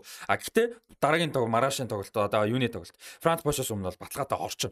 Тэгэхээр та хэд маань гоо сэтгэлдээ хуваалцаа, таамгуудаа хуваалцаад те бас санал нийл хинээлэхгүй юу байна. А хуваалцаарай. А дээрэс нь мэдээж нөгөө өнгөрсөн дугаар дээр а, тэмцээн зарласан те. За тэрний ялагчийг бол бид нар маргааш шалгаруулнаа. Маргааш шаруул шалруулж тодорхой болгонгуудаа ялагчдынхаа одоо комментийн дор одоо reply те коммент бол бичин тэгэхээр бас юугаа харж байгаараа та зарим нь бол ер нь мэдсэн байгаа байх хараад те. Одоо статууд нь тодорхойлцсон байгаа шүү дээ те. Ингээ эргээ харахад бол зарим нь ялагч уснаа өөрсдөө ч яг бол мэдсэн байж магадгүй те. Тийм учраас notification бас харж байгаарэ. За тэгээд Westport launch хамт олондоо баярлалаа. Дэмжин ажилласаар байгаа хамтарч ажилласаар байгаа. Тэгээд та бүхэн энд ирж тоглолтууд үзээрэй. Энд уралдаан тэмцээнүүд болж байгаа. Асуулт хариултын за өөр одоо янз бүрийн уралдаан тэмцээнүүд хөтөлтүүд бас болж байгаа. Тэгээд сонирхолтой ер нь үзэх уур амьсгал бол их гоё сонирхолтой байгаа шүү. Тэгээд эрцгээгээрээ Westport Lounge хамтландаа баярлалаа. Тэгээд тулгаадаа баярлалаа. Тулгаа продюсер маань энэ чинь ажиллаа игээд сууж байгаа. Аа тэгээд хоёртаа бас баярлалаа. Хоёрын амжилт ажилтны амжилт төсөө одоо хөтөлтүүд явах нь байна. За тэгээд мэдээж одоо ач холбогдол өндөртэй тоглолтууд тий. Яса 1 секунд нүдээ баг анич болохгүй л одоо энэ чухал тоглолтууд баг явах нь. Тийм шүү дээ. Одоо дээ. Ач холбогдол мэдээж Растин тэгсэн гэж 0 орчод ирсэн чи гол орцсон. Түүнээс тэр тэгсэн шүү дээ. Би бүр нүдээ салахгүй суусаж байгаа надад ч чи гол орцсон. Тэгэхээр одоо бүр улам ач холбогдолтой болох нь тэ сонирхолтой сонирхолтой учраанууд их байна Бразил солонгос гэдэг шиг. Тийм болохоор бас ярих юм ихтэй байгаах. За тэгээ бидний дараагийн дугааруудын хувьд бас яаж таарх нь энэ хоёрын завчлуунаас хамаарж яагаад бас хийн боломжоор нь аль болох хурдан тий яг тоглолт тоглолтын дээр суурилсан дугаар хийхийг бодно. За боломжгүй бол одоо бүр 16 дуусгаж байгаа баддаг ч юм уу тий. Яг тэрийг нь харж байгаад болъё. Тэрийг бол яг одоогийн байдлаар бол одоо амлах юм боломжгүй байна. Тэрийг бас ойлгож гин гэж топныг бас ойлгож байгаа гэж найдаж байна. За тэгэд А өнөөдрийн дугаар өндөрлж чинь дараагийн дугаараар уулзцай дэлхийн аварга гоё идэвхтэй үзцгээгээрээ Central World TV болон SBS-ээр мэдээж бүх тоглолтууд одоо хуваарлаад ингээд гараад явж байгаа мэдээлүүдээ аваарай. Тэгээд спорт лаунж дээр ч үзээрэй. Тийм гол нь Westport Lounge дээр ч үзээрэй. Бүх тоглолтуудаа үзэх боломжтой маш сонирхолтой болно. Тэгээд уур амьсгал гоё байгаа. Одоо багц гаргаад эхэлсэн байгаа энэ ч тэгээд тийм. Тийм байна. Тэгээд дараагийнхаа дугаар уулзтлаа. Аа баяр та.